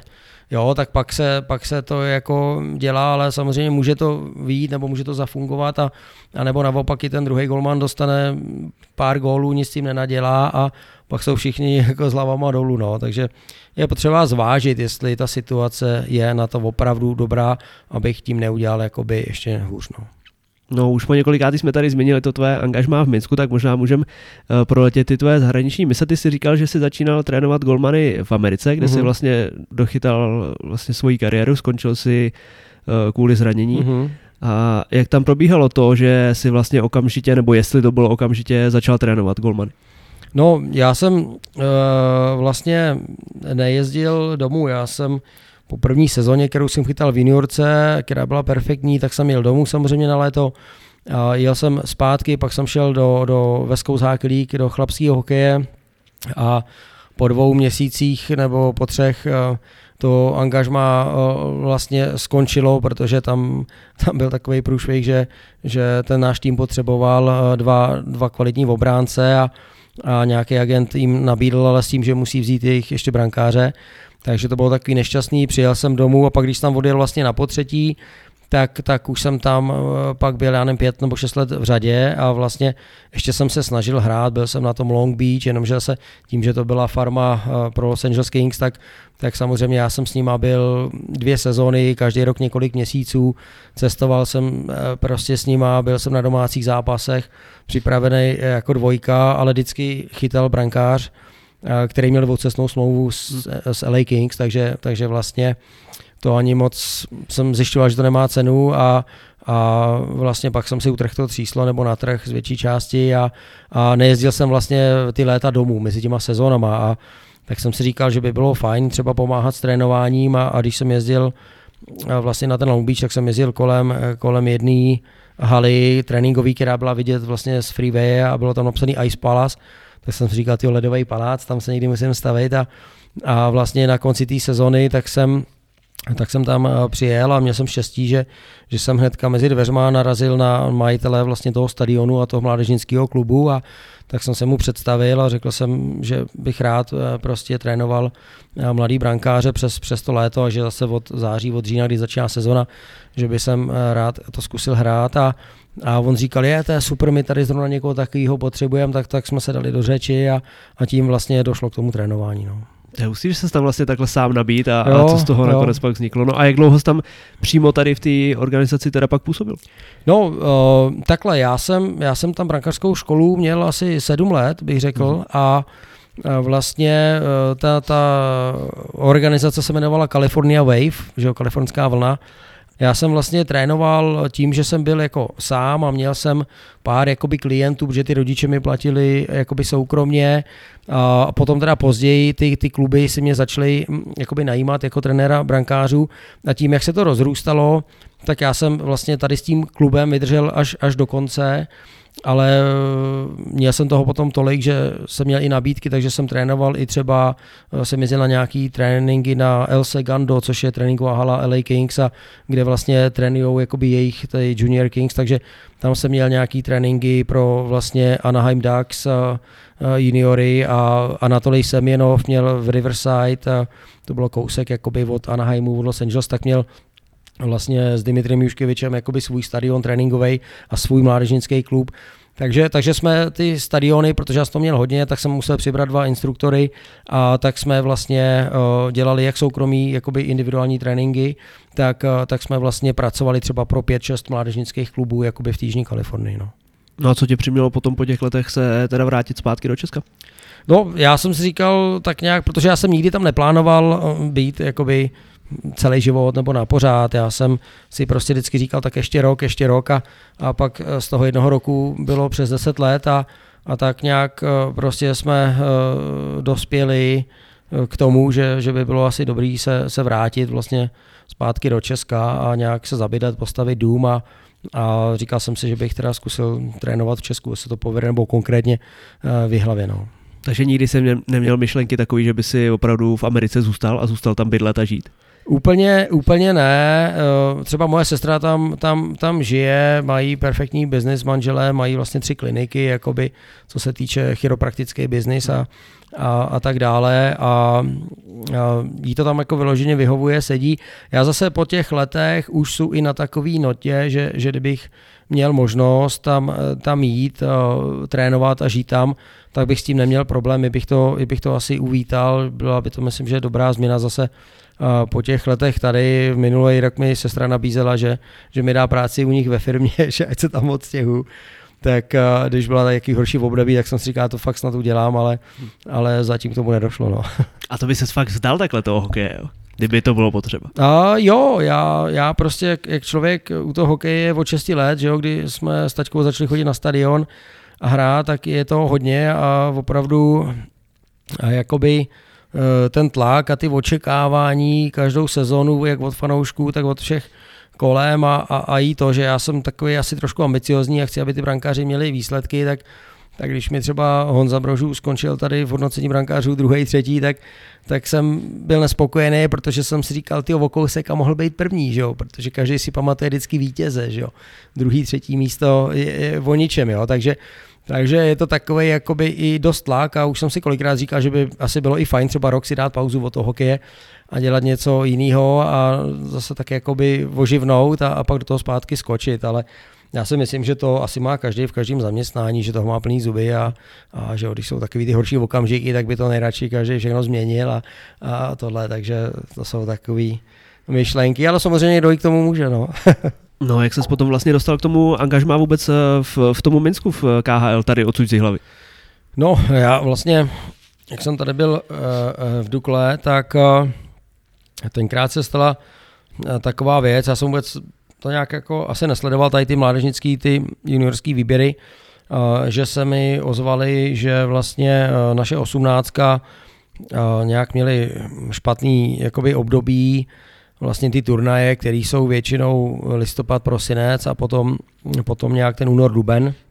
No a po jednom tom turnaji vlastně asi někomu na svazu došla trpělivost a, a vyměnili nebo vyhodili, by se dalo říct, kompletně trenerský eh, tým od vlastně od 18 českého nároďáků a, a šel tam vlastně eh, Marek Sýkora jako hlavní trenér a Franta Musil jako asistent a, a nějakým způsobem mě, mě tenkrát oslovili. Já si myslím, že i Petr Bříza uh, se zajímal a Franta musel možná to, že věděl, že tady v hlavě pracuju s brankářem a líbilo se mu to, tak, uh, tak asi myslím, že i on v tom měl slovo, takže takhle nějak uh, jsem se dostal vlastně k tomu, k této 18. No a tam jsem se seznámil mm-hmm. s Markem Sikorou, který potom po, tý, po tom mistrovství dostal angažma v Ekaterinburgu a tu další sezonu vlastně mi volal, že, že mění působiště, že jde do Minsku a, a že tam mají trenéra brankářů a že by byl rád, kdyby jsem tam šel s ním. No. Takže vlastně v každém odvětví to je vždycky hlavně o kontaktech, určitě, kde koho znáš. Určitě je to tak, no. no. No, tak, tak je důležité být správnou dobu taky na správném no, místě. No, jasně.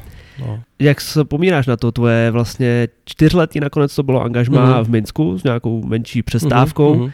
Eh, co tě tam nejvíc překvapilo, co tě tam nejvíc bavilo, co tě tam nejvíc obohatilo a eh, jaký to vůbec bylo trénovat v týmu, který hraje KHL? Tak eh, já jsem byl zprvu hrozně překvapený a i vlastně, protože já jsem nikdy nebyl na území toho, i toho bývalého SSSR nebo Ruska, hmm. takže to byla úplně první zkušenost a když jsem přiletěl, tak tak vím, že když mě vyzvedl ten vlastně náš jakoby týmový vedoucí a takový člověk, který zařadil spoustu věcí, tak jsem byl překvapený, jak to tam vypadá. Já jsem to čekal mnohem horší, takový nějaký prostě rozbitý, já nevím, špinavý a, a prostě ten Minsk je opravdu z letiště vedla krásná prostě nová dálnice a, a město prostě čistý, pěkný, všechno bylo takový jako úhledný.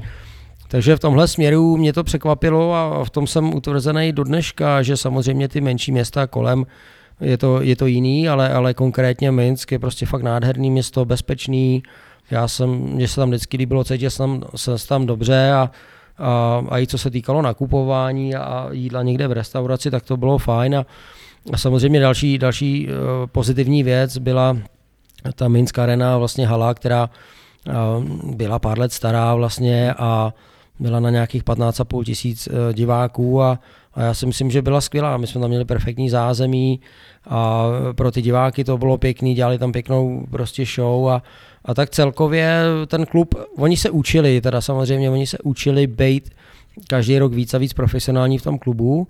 A někdy jim trvaly nějaké věci prostě, prostě díl, ale myslím si, že o nás bylo dobře, dobře postaráno i samozřejmě finančně, to bylo velice, velice zajímavý a i to nejvyšší vedení, kde vlastně uh, tam byl pán, který býval kdysi nějaký vysoce postavený voják a pak dělal vlastně prezidentovi šéfa ochranky, tak pak asi za, za ty zásluhy dostal, dostal funkci šéfa celého Dynama, který mělo pod sebou několik sportů a on prostě měl strašně rád Marka Sikoru a, a k nám se choval jako perfektně, když, když jsme měli nějaký, neřeknu problém, jsme neměli problém, ale prostě něco jsme chtěli třeba změnit nebo vylepšit, nebo jsme chtěli, aby, aby třeba eh, jsme ty hráči i k vítězství motivovali třeba nějakým větším eh, třeba bonusem, jakoby prémie za, za vyhraný zápasy a takhle, tak eh, vždycky prostě naslouchali a častokrát nám opravdu, jako, nebo Markovi hlavně, že jako hlavnímu trenérovi, vyšli vstříc a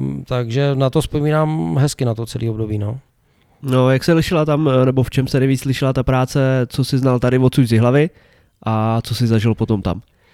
Tak bylo to, bylo to jiný v tom, že za prvý to bylo uh, samozřejmě v jiném jazyku, uh, za druhý byl tam, byl tam vlastně Andrej Mezin, že jo, běloruská národní hvězda a brankář, který byl i vlastně starší o, o trošičku než já.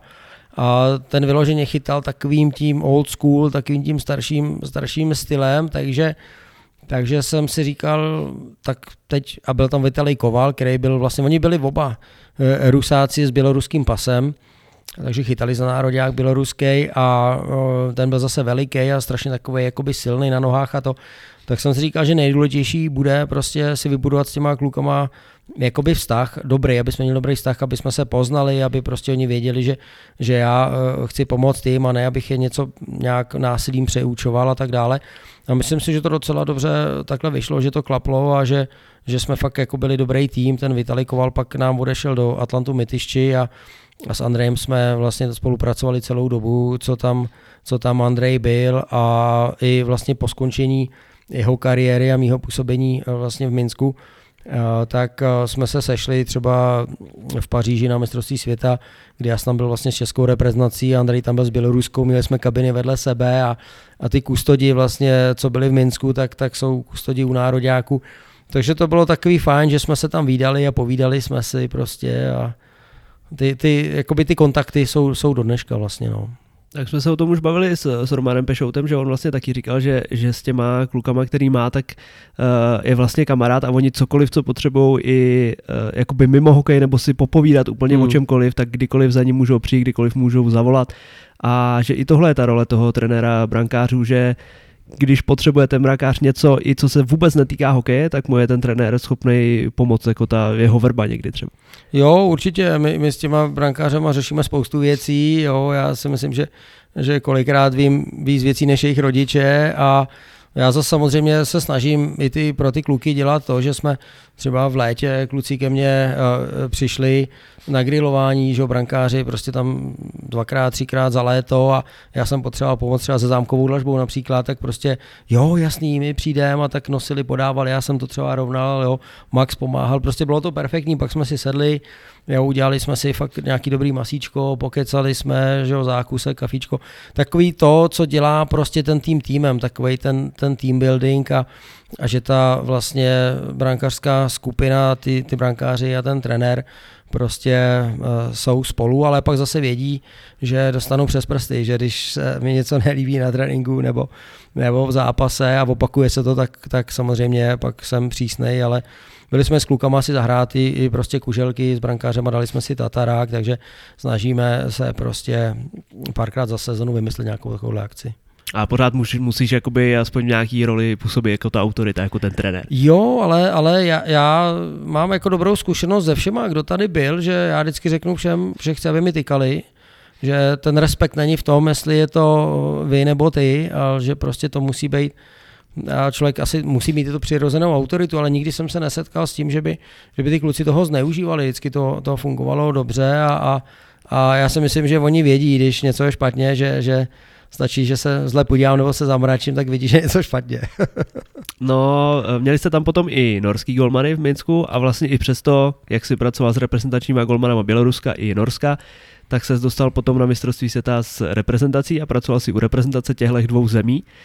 Jak se to vůbec dalo skloubit s tou prací celou sezóní v klubu a hlavně, eh, co tě víc baví, protože ty reprezentační kempy jsou párkrát do sezóny, dostaneš tam jakoby to nejlepší, co ta země nabízí, jak se pracuje potom přímo na těch reprezentačních kempech a na těch turnajích eh, s těma golmanama, protože tam už eh, oproti té práci v klubu, kterou, kde vidíš ty hráče celou sezónu a máš je na očích, musí být úplně jiná. O, liší se to v tom, že samozřejmě ta, ta dlouhodobá soutěž je jiná, že člověk ty brankáře má každý den vlastně pod, pod dohledem, tak tak vidí, jak chytají nebo co dělají za chyby.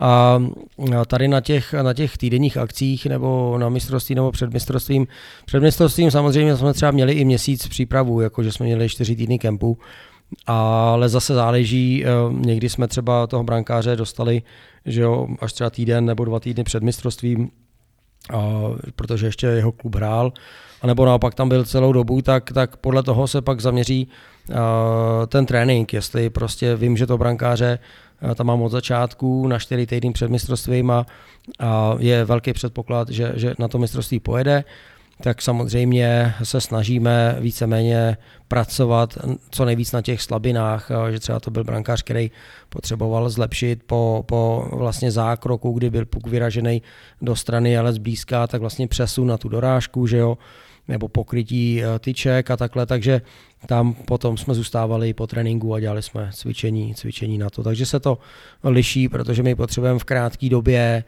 Eh, jakoby rychle odstranit třeba nějaký špatný zlozvyky. Jo, když to během té sezony, tam, tam pak a je, jsme více zaměřeni na práci hokejkou, protože vlastně toho času je víc. No. No a dá se to za tu krátkou chvíli nebo dobu toho turnaje něco takhle odstranit, čeho si všimneš? Mně se třeba líbil Pavel Francouz, který velice rychle, třeba když jsme řešili uh, jakoby střelů a vyražený puk právě do strany a rychlej přesun na dorážku, nebo i i eh, u té tyčky v tom reverzu a pak z toho následný přesun. A tam vlastně někdy brankáři jsou kolikrát takový jako malí, že jsou taky skrčený dolů a zase otvírají prostor nad ramenem. Tak jsme na tom pracovali a on tím, jak on je úplně fantastický profesionál a, a má výborný přístup, tak, tak jsem z toho měl radost, že, že prostě konkrétně v tomhle případu bylo vidět, že opravdu to rychle vstřebal, protože pochopil, že je to třeba něco, co, co jemu pomůže, že je to něco, co ho posune dál a co potřebuje vylepšit takže bych řekl, že to tam bylo jakoby jednoduchý, takový přirozený. Hm.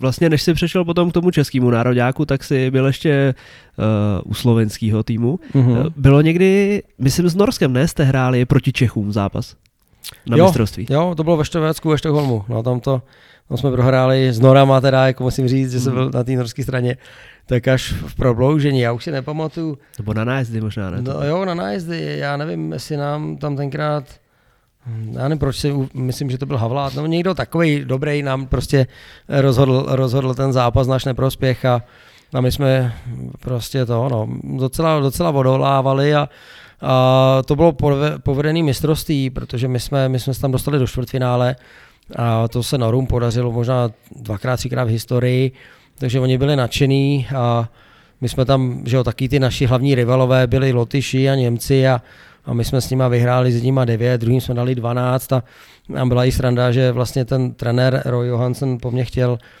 a, aby jsem třeba vysledoval vlastně ty jejich brankáře těch soupeřů, kdy mají nějaký slabiny. A když jsme měli meeting vlastně před, před tím zápasem, tak a, tak já jsem těm klukům v rychlosti řekl, co si myslím, co jsem viděl. A, a pak právě ten zápas, to Lotyšsko a, a Německo, tak jak jsme stříleli hodně těch gólů. Samozřejmě to bylo i o náhodě, taky jako o štěstí, že to tak padlo, klaplo a, a tak oni jezdili a chodili si, to jsem byl ještě v té době na střídačce, tak si chodili plácnout rovně se mnou. Říkali, ty jsi to říkal mezi nohy nebo nahoru lapačku. Jo? Bylo to takový srandovní, ale prostě já si myslím, že to bylo fakt jako štěstí, jestli to sedlo, jo? že ty kluci to vystřelili a ty brankaři třeba něco na horší den. No. A víš, kdo proti vám chytal za, za Čechy v tom zápase? Ježiš, to už si teda nevybavuju. Nebo jestli tam byl někdo v tom týmu vůbec eh, třeba z těch golmanů, který ho si znal z nějakého předchozího působení, nebo nebyl? Že jsi věděl, jako na co ten tým připravit. To, tyjo, to, to si teďka nevybavuju, já nevím, jestli to byl rok někdy 2012. Tak to tam byl někdo, Kovář možná, nebo někdo takový? No, no, něco tak jsem si, si říkal, no. Pavelec? Nevím, nevím, fakt, No, to si to, fakt si to nevybavu. Já si vím, že si vybavuju ještě zápas eh, proti Rusku, kde jsme taky nehráli vůbec špatně. Oni tam měli uh, už jakoby svý některé velké hvězdy z, z NHL a, a vím, že myslím si, že tam hrál i, i Malkin a Dacuk a já vím, že my jsme dostali jeden zbytečný gól, že náš obránce a vyvážil puk ze třetiny a už byl skoro modrý a zapomněl, že za ním byl zapomenutý Dacuk a on ho prostě strašně rychle, tak jako lehce dojel, nadzvedl mu hokejku, vzal mu puk, otočil to a jel na Haugena a, a prostě takovou střelou jako bez přípravy z jízdy ho prostřelil, prostřelil nahoru, taková těžko chytatelná střela. To, to si do dneška pamatuju, protože jsem si říkal, že to je úplně zbytečný gól. No. No, pak se přece jenom teda po těch třech reprezentačních tacích přesunul do českého nároďáku. Je to takhle pro trenéra nebo pro tebe? Vnímal jsi to uh, jako ten dosavadní vrchol, protože že jo, hráči se chtějí dostat do té prezentace, chtějí se dostat na mistrovství světa, ty jsi byl vlastně i na olympiádě potom v Koreji. Mhm. Je to takový jakoby uh, cíl, který mají i ty trenéři, dostat se do týmu toho nároďáku a být na té vrcholné akci? A, tak určitě, že jo, já samozřejmě jsem si dával nějaký cíle jako hráč a, a, a ty nevyšly a tím, že jsem asi byl, nebo možná jsem takový jakoby cílevědomý a, a vždycky si dám nějaký cíl a, a, a pak si udělám třeba dvě, tři cesty, jak by se k tomu cíli dalo dojít, tak a, tak to byla určitě věc, eh, za kterou jsem byl hrozně rád. Já jsem eh, ani nikdy jako až tak nějak moc nevěřil, že, protože jsem byl takovej, si myslím, jakoby tady pro to Česko neznámý, nebyl jsem takový člověk, který s nima tam má a, kontakty a je kamarád, tak jsem si říkal, že, že to nikdy nemůže klapnout, tak jsem se nikdy na to neupínal a, a potom jsem byli překvapený a, a hrozně rád zároveň, když mi pan Vujtek zavolal, s kterým jsem vlastně rok předtím a, spolupracoval u slovenské reprezentace, že, že by byl rád, kdybych a, vlastně doplnil ten jeho trenerský štáb, tak a, tak tím jsem se tam vlastně dostal a já jsem byl strašně překvapený, protože jsem vůbec jako netušil mm, ani, kdo by třeba mohli být kandidáti, nebo že by vůbec to takhle mohlo být, tak jsem se tím ani dvakrát jakoby nezabýval a pak mi jednoho dne zavolal a vím, že jsem zrovna někde v autě, jsem jel a mezi polama, polema, tak jsem byl takový jako šťastný, že, že mi osobně zavolal a řekl mi to a, a to no, takže samozřejmě pak a, rodiče byli šťastní, že jo, protože pro ně, pro ně to asi bylo uh, taky velký tím, že, že když jako syn buď jako hokejista, hráč se dostane do repre, tak je to vždycky eh, něco pěkného, velkého, tak určitě, určitě byli rádi tady za tohleto. Na jaký z těch turnajů s tím českým nároďákem uh, nejradši vzpomeneš? Bylo to kolik dvě nebo tři mistrovství světa? Já jsem byl Pak... na dvou, já jsem po té olympiádě, protože se mě vyřezla plotínka v bedrech, Hmm. a tak jsem měl prostě fakt zdravotní problémy, bylo mi, bylo mi jako zlé, špatně, tak jsem po té olympiádě skončil a už jsem nejel na to mý třetí mistrovství v Dánsku, který bylo, na kterým jsem měl být. Takže tam byly vlastně dvě, dvě mistrovství a olympiáda a světový pohár a pak ty Eurohockey Tour turnaje. Ale já asi nejvíc vzpomínám nejlíp na, na ten světový pohár v Torontu. To, to bylo takový zajímavý po všech stránkách, že to bylo organizovaný vlastně NHL, byli tam hráči NHL a bylo to vlastně v NHL hale, kde bylo plno lidí, takže byli jsme v kabině Toronto Maple Leafs jako ubytovaný. Takže to, to celé bylo prostě takový, takový prostě příjemný a top asi no. No jako ten český tým tam vlastně, nebo jak všechny týmy, co tam byly, byly v nejsilnější možný sestavě, když tam byli všichni hráči z NHL. Koho ty jsi tam měl za, za brankáře? Byl tam asi Ondra Pavelec, ne? Byl tam Michal Neuwirth? Ondra, možná? Ondra byl na pozici trojky, tomu Pepa Jendač eh, řekl, že, že vlastně eh, hlavní dva brankáři budou Petr Mrázek a, a Mrázek, Michal Neuwirth. No. Ok. No a jak se ti tady s tou trojkou tam spolupracovala, co jste tam vlastně s takovýhlema extrémníma profíkama, který jsou vlastně na nejvyšší světový úrovni, vůbec mohli vymyslet jako trenér golmanů na takovým turnaji? Uh, no, já jsem Petra Mrázka znal už, už předtím, my jsme ho právě měli s Markem Síkorou na, na těch osmnáctkách a pak tak nějak jsme byli uh, průběžně v kontaktu a a vlastně uh, tím, že my jsme tu soupisku museli zveřejnit před, pro ten světový pohár dopředu, tak, uh, tak se se mnou spojil vlastně trenér brankářů z Detroitu, který s Petrem vlastně pracoval v Grand Rapids na farmě a potom v Red Wings a, a tak jsme se i bavili o Petrovi, jako co třeba by on u něj jako konkrétně na čem pracuje, co chce zlepšit, co se mu třeba daří, nedaří. a jak já to vidím a vnímám a tak nějak jsme se shodli, že jsme jakoby opravdu dost podobně na stejný, na stejný vlně. A takže jsme si sedli v tomhle tom, tak jsme se bavili, co zlepšit. Já jsem to pak vlastně s Mrazíkem konzultoval a, a Petr je výborný, já ho mám hrozně rád jako povahově, on je takový veselý člověk, myslím si, že je upřímný. A jsme tam třeba řešili u něj, pak to bylo na mistrovství v Paříži, jakoby nějak jako skrz výstroj, jo, jak, jak mít uplý prostě betony na bruslích a takhle. Takže úplně v pohodě, Michal Neuwirth eh, byl perfektní, já jsem ho nikdy předtím neznal a musím říct taky, že ten přístup byl tam není k tomu co dodat, nic, nic uh, vlastně špatného. Uh, to, co jsme s klukama dělali na tom ledě, tak, tak já jsem vždycky řekl, co mám představu, abych měli ten feedback od nich, eh, protože jsem jim říkal, hele, vy jste prostě zkušený profíci z NHL a abych nerad dělal něco, co je jinak, než na co jste zvyklí, takže já jsem říkal, já bych třeba chtěl eh, se zaměřit, třeba aby jsme dobře řešili clony, protože vím, že ty týmy vlastně na tom světovém poháru, že budou mít vlastně velký vyspělý hráče, který se neumí, ba, ne, nebojí se eh, jo, stát před tou brankou a umí to, tak aby jsme prostě byli schopní jako efektivně to chytat, vidět ty puky a, a tak dále, takže jsme si vždycky řekli, co, co chceme dělat a, a víceméně to bylo úplně, úplně bez problému. Jo. No mně přijde fakt skvělý, jak takhle tady vyprávíš celou dobu, eh, jak funguje vlastně ta komunikace se všema těma možnýma jakoby osobama, který do toho hokeje jsou zapojený. Že přijdeš takhle na světový pohár a okamžitě se skontaktuješ s trenérem Golmanu tam z Detroitu a vyměňujete si fakt spolu informace a funguje ta komunikace na takovýhle bázi, to je skvělý. No, je, je to tak, no, je to dobře a já musím říct, že většinou tady tě, ty, ty lidi, který jsem potkal, tak, tak jsou fakt jako super lidi, jo, že, že jsme prostě i na tom kempu v tom Detroitu, tak jsme pak vždycky vlastně večer sešli sednout ta, ta parta a nejenom trenéru, brankářů, ale tam vlastně pomáhali trenéři uh, z farmy, z AHL, z East Coast Hockey League, tak jsme tam prostě seděli a bylo to, bylo to takový jako příjemný, že oni samozřejmě povídali své historky z dob, kdy hráli, jak kdy trénovali, takže u toho se vždycky je čemu nasmát a, a ty lidi jsou sdílní, no, jako většinou nikdo nemá problém říct, eh, co má v hlavě a jaký má třeba systém, nebo, nebo jak to dělá a proč a, a bavíme se o tom a pak přijdeme k holkám a, je to ve skyby. okay. No, líbí se mi taky, že uh, seš pořád v kontaktu s klukama, uh, který třeba v jakýkoliv fázi té svojí uh, kariéry trenerský vedl. Tady třeba z hlavy, když vezmu, tak uh, odsud vlastně David Rittich se dostal do NHL, Kuba Škarek, Pepa Kořenář, mladí kluci, kteří ještě to mají před sebou. S nimi určitě taky pořád komunikuješ. Byl tady Míra Svoboda, který ho jste tady vytáhli, mm, který mm. už vypadal, že, že, že skoro skončí. Jo, prostě jo, a David že, Honzík. No, no. no.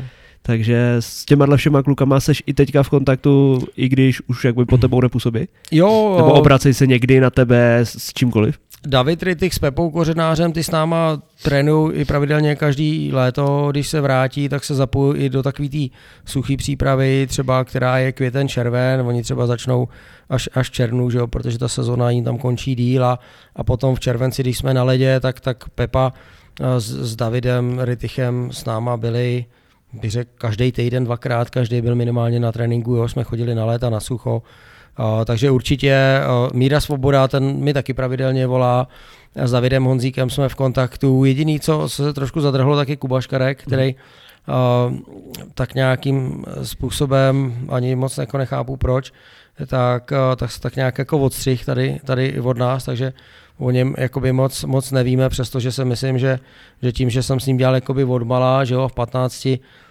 jsem ho vzal vlastně z mladšího dorostu do, do Ačka, přeskočil dvě kategorie, tak, tak nějak si jede nějakou svoji notu, ale, ale většinou všichni ty kluci jsou jako opravdu ve spojení a, a Míra Svoboda, když šel do Plzně, tak se u mě i zastavil s přítelkyní, takže jo, komunikujeme, no. No a co, když jsme u toho, kdo se kam dostal do NHL, Uh, myslíš, že je cesta i takhle pro evropský brankáře, nebo konkrétně pro uh, trenéry brankářů samozřejmě, anebo konkrétně i pro tebe fakt, jak se prosadit do té NHL? Tak šance a jsou tam vůbec nějaký Evropani takhle na takovýchhle pozicích? Uh, v Kolorádu je uh, Jussi Parkila, kterýho já znám zase způsobení uh, v KHL, protože on, on byl v tu dobu v Atlantu Mytišti, ten je vlastně v rok mladší jak já, takže s ním se taky známe, jsme se tam kolikrát vlastně si povídali před zápasem nebo i v létě v přípravě, když jsme měli turnaj proti ním. A, takže ten tam má vlastně teďka na starosti Pavla Francouze.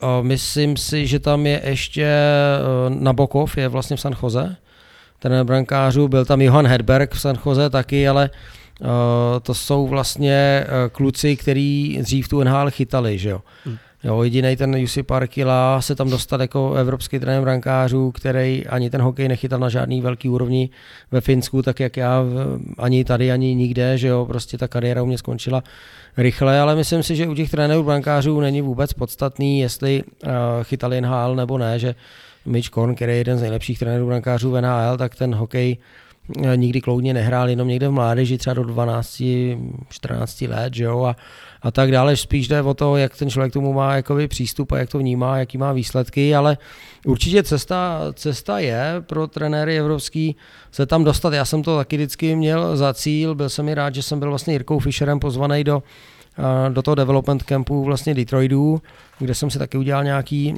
nějaký známosti, ale je to, je to hodně o tom uh, prostě mít, mít jako, uh, aby se tam člověk dostal, tak je to zase o tom kontaktu. Že buď generální manažer, anebo hlavní trenér, uh, prostě když jsou v pozici, že jim končí trenér brankářů, tak si toho člověka, který ho si tam vezmou, tak ho musí osobně znát že prostě s ním už někde spolupracovali nebo znají ho, nebo znají ho výsledky. Jinak si myslím, že je to velice těžký. No já jsem jako taky podnikal nějaký kroky proto se tam třeba dostat i přes farmu, ale musím říct, že, že mě to pak jako nějak jako přestalo, přestalo bavit a, a už jako to nebudu tlačit na pilu, že si prostě půjdu svojí cestou um, tady a, a pokud se někdo ozve, tak, tak to bude fajn, ale už jako nebudu nebudu nějak dělat úplný maximum, který mi přišlo, že stejně funguje. No. No tak ti budeme přát, ať eh, ti jakýkoliv takovýhle snahy výjdou a třeba tě někdy uvidíme zase v zámoří. Mám tady ještě pár dotazů od eh, posluchačů, fanoušků, co přišli. Eh, vlastně jsme se tady vůbec ne, nevěnovali mentální stránce té přípravy golmanů, tak Péťa Galuška, golman, který tyjo, teď chytá, myslím, někde v druhé lize, v Nový Míčině, nebo tam někde, se ptá, jak pracuješ právě s mentálním nastavením brankářů před zápasem. Přímo.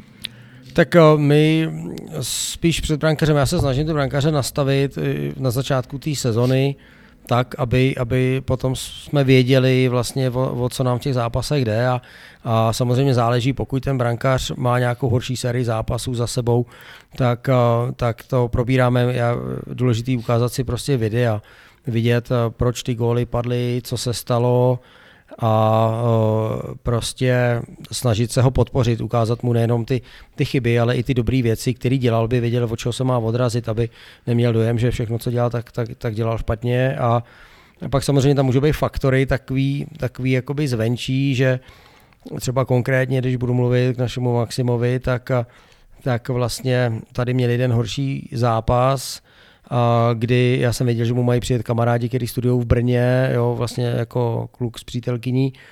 A tak jsem si říkal, sakra, aby ho to nějak jako nerozhodilo, jo, aby prostě, protože je zvyklý potom tréninku jít si na oběd a jít si domů odpočinout a, a pak ten zápas nebyl prostě takový, jak jsme potřebovali.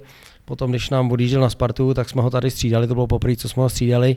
Takže zase měl jakoby v hlavě, že jo, to, že po zápase se musí zbalit a odjet, prostě ať je to jak chce, tak ty kluci o tom přemýšlí a, a pak je to negativně ovlivní, takže následně jsme se potom s Maximem bavili. Já jsem říkal, že co si myslím, na co jsem přišel, že, že můžou být tyhle ty věci zvenčí, na který on myslí v tu chvíli víc, než by měl a, a pak, že to prostě nedopadlo ten jeho výkon tak jak, tak, jak měl. Takže záleží individuálně. Já hlavně Golmanu mají říkám, že, že já třeba z mý zkušenosti, když jsem chytal, tak, tak uh, jsem na sebe kladl, bych řekl moc jakoby vysoký cíle, že jsem chtěl mít prostě výborný čísla a nulu každý zápas ale prostě to si myslím, že to byla chyba, že důležitý je být ten článek v tom týmu, který dokáže tomu týmu pomoct k vítězství a prostě to je nejdůležitější. A potom až jsou čísla toho brankáře.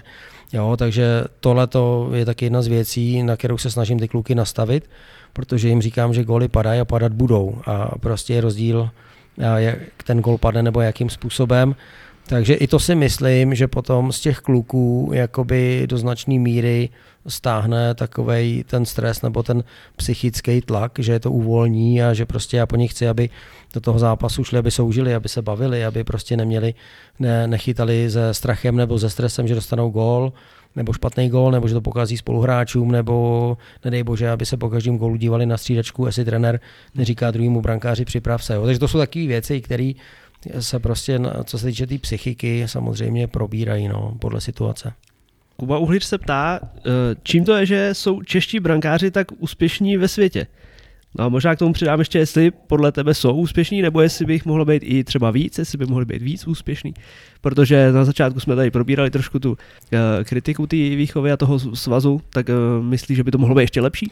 Já si myslím, že určitě by to mohlo být lepší, že jako je super, že máme uh, vlastně, bych řekl, dost brankářů jak v zámoří, tak taky v evropských soutěžích a, a i, že naši mladí kluci, kteří odchází do kanadské, americké juniorky, tak, tak si myslím, že tam chytají velice dobře.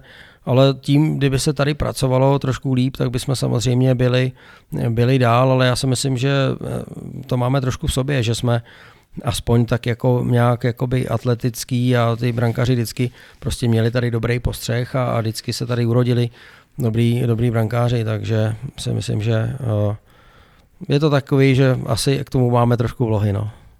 Tak ono historicky docela ty výběry i ty reprezentační prostě stály na tom jo. Golmanovi třeba víc než v jiných týmech.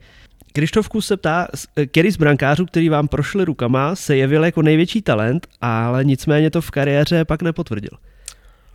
O, to abych asi musel zmínit toho Kubu Škarka, kde vlastně on tu kariéru rychle nastartoval a, a vlastně Eh, svět se zdál být krásný, že v jeho 15, 16, 17 letech a pak to trošku eh, zhořklo, se to zkomplikovalo, protože už byly potřeba výsledky, ať to bylo mistrovství 18 nebo, nebo vlastně dvakrát 20 a, a asi i to, že ten Kuba na sebe, protože byl vždycky cílevědomý a, a tak si myslím, že na sebe kladl větší, větší tlak, než bylo třeba.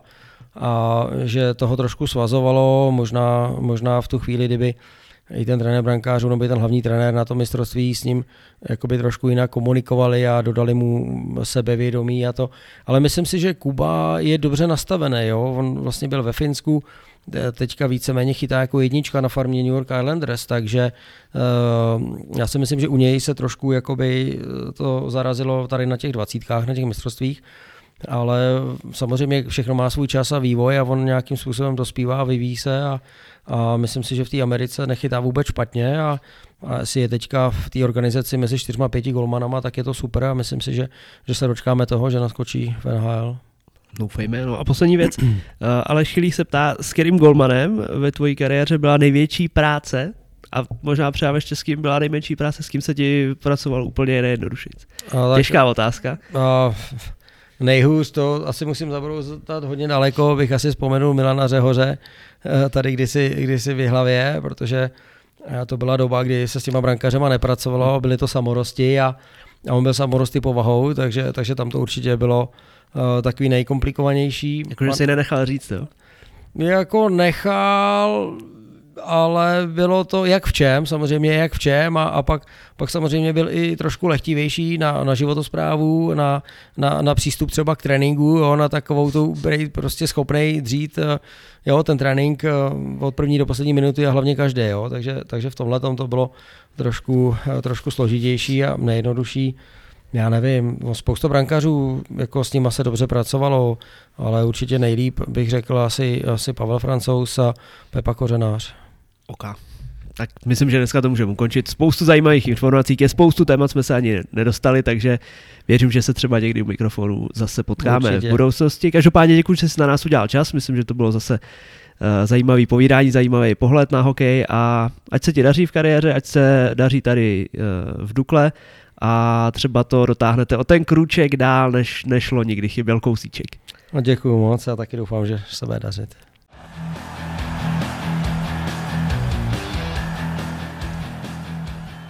No tak doufám, že po poslechu jste zase o něco chytřejší a bohatší o zajímavé informace, stejně jako já. S Petrem by se dalo kecat až do noci, už toho má za sebou spoustu. Moc jsme se nedostali ani těm jeho zahraničním štacím, kde má nebývalý zkušenosti a kdo ví, třeba se zase jednou dostane k reprezentaci, ať už to bude česká nebo nějaká jiná, nebo ho v budoucnu uvidíme na nějaký funkci ve svazu, uvidíme. No a vám všem, kteří jste to dojeli až sem, děkuji za pozornost, poslouchejte nás dál, posílejte mi na Instagram reakce a tipy na další hosty, Hodně mě třeba rozesmál Ondra Černý, který mi psal, aby jsme udělali epizodu s Tomášem Králem a s Riku Sihvonenem. Tak jsem mu říkal, že s Králem už jsme epizodu měli, ať si ji poslechne, že je skvělá. A s Riku Sihvonenem, že by to bylo asi těžký, protože nevím, jestli každý z vás by chtěl poslouchat celý rozhovor v angličtině a jestli by mu rozuměl.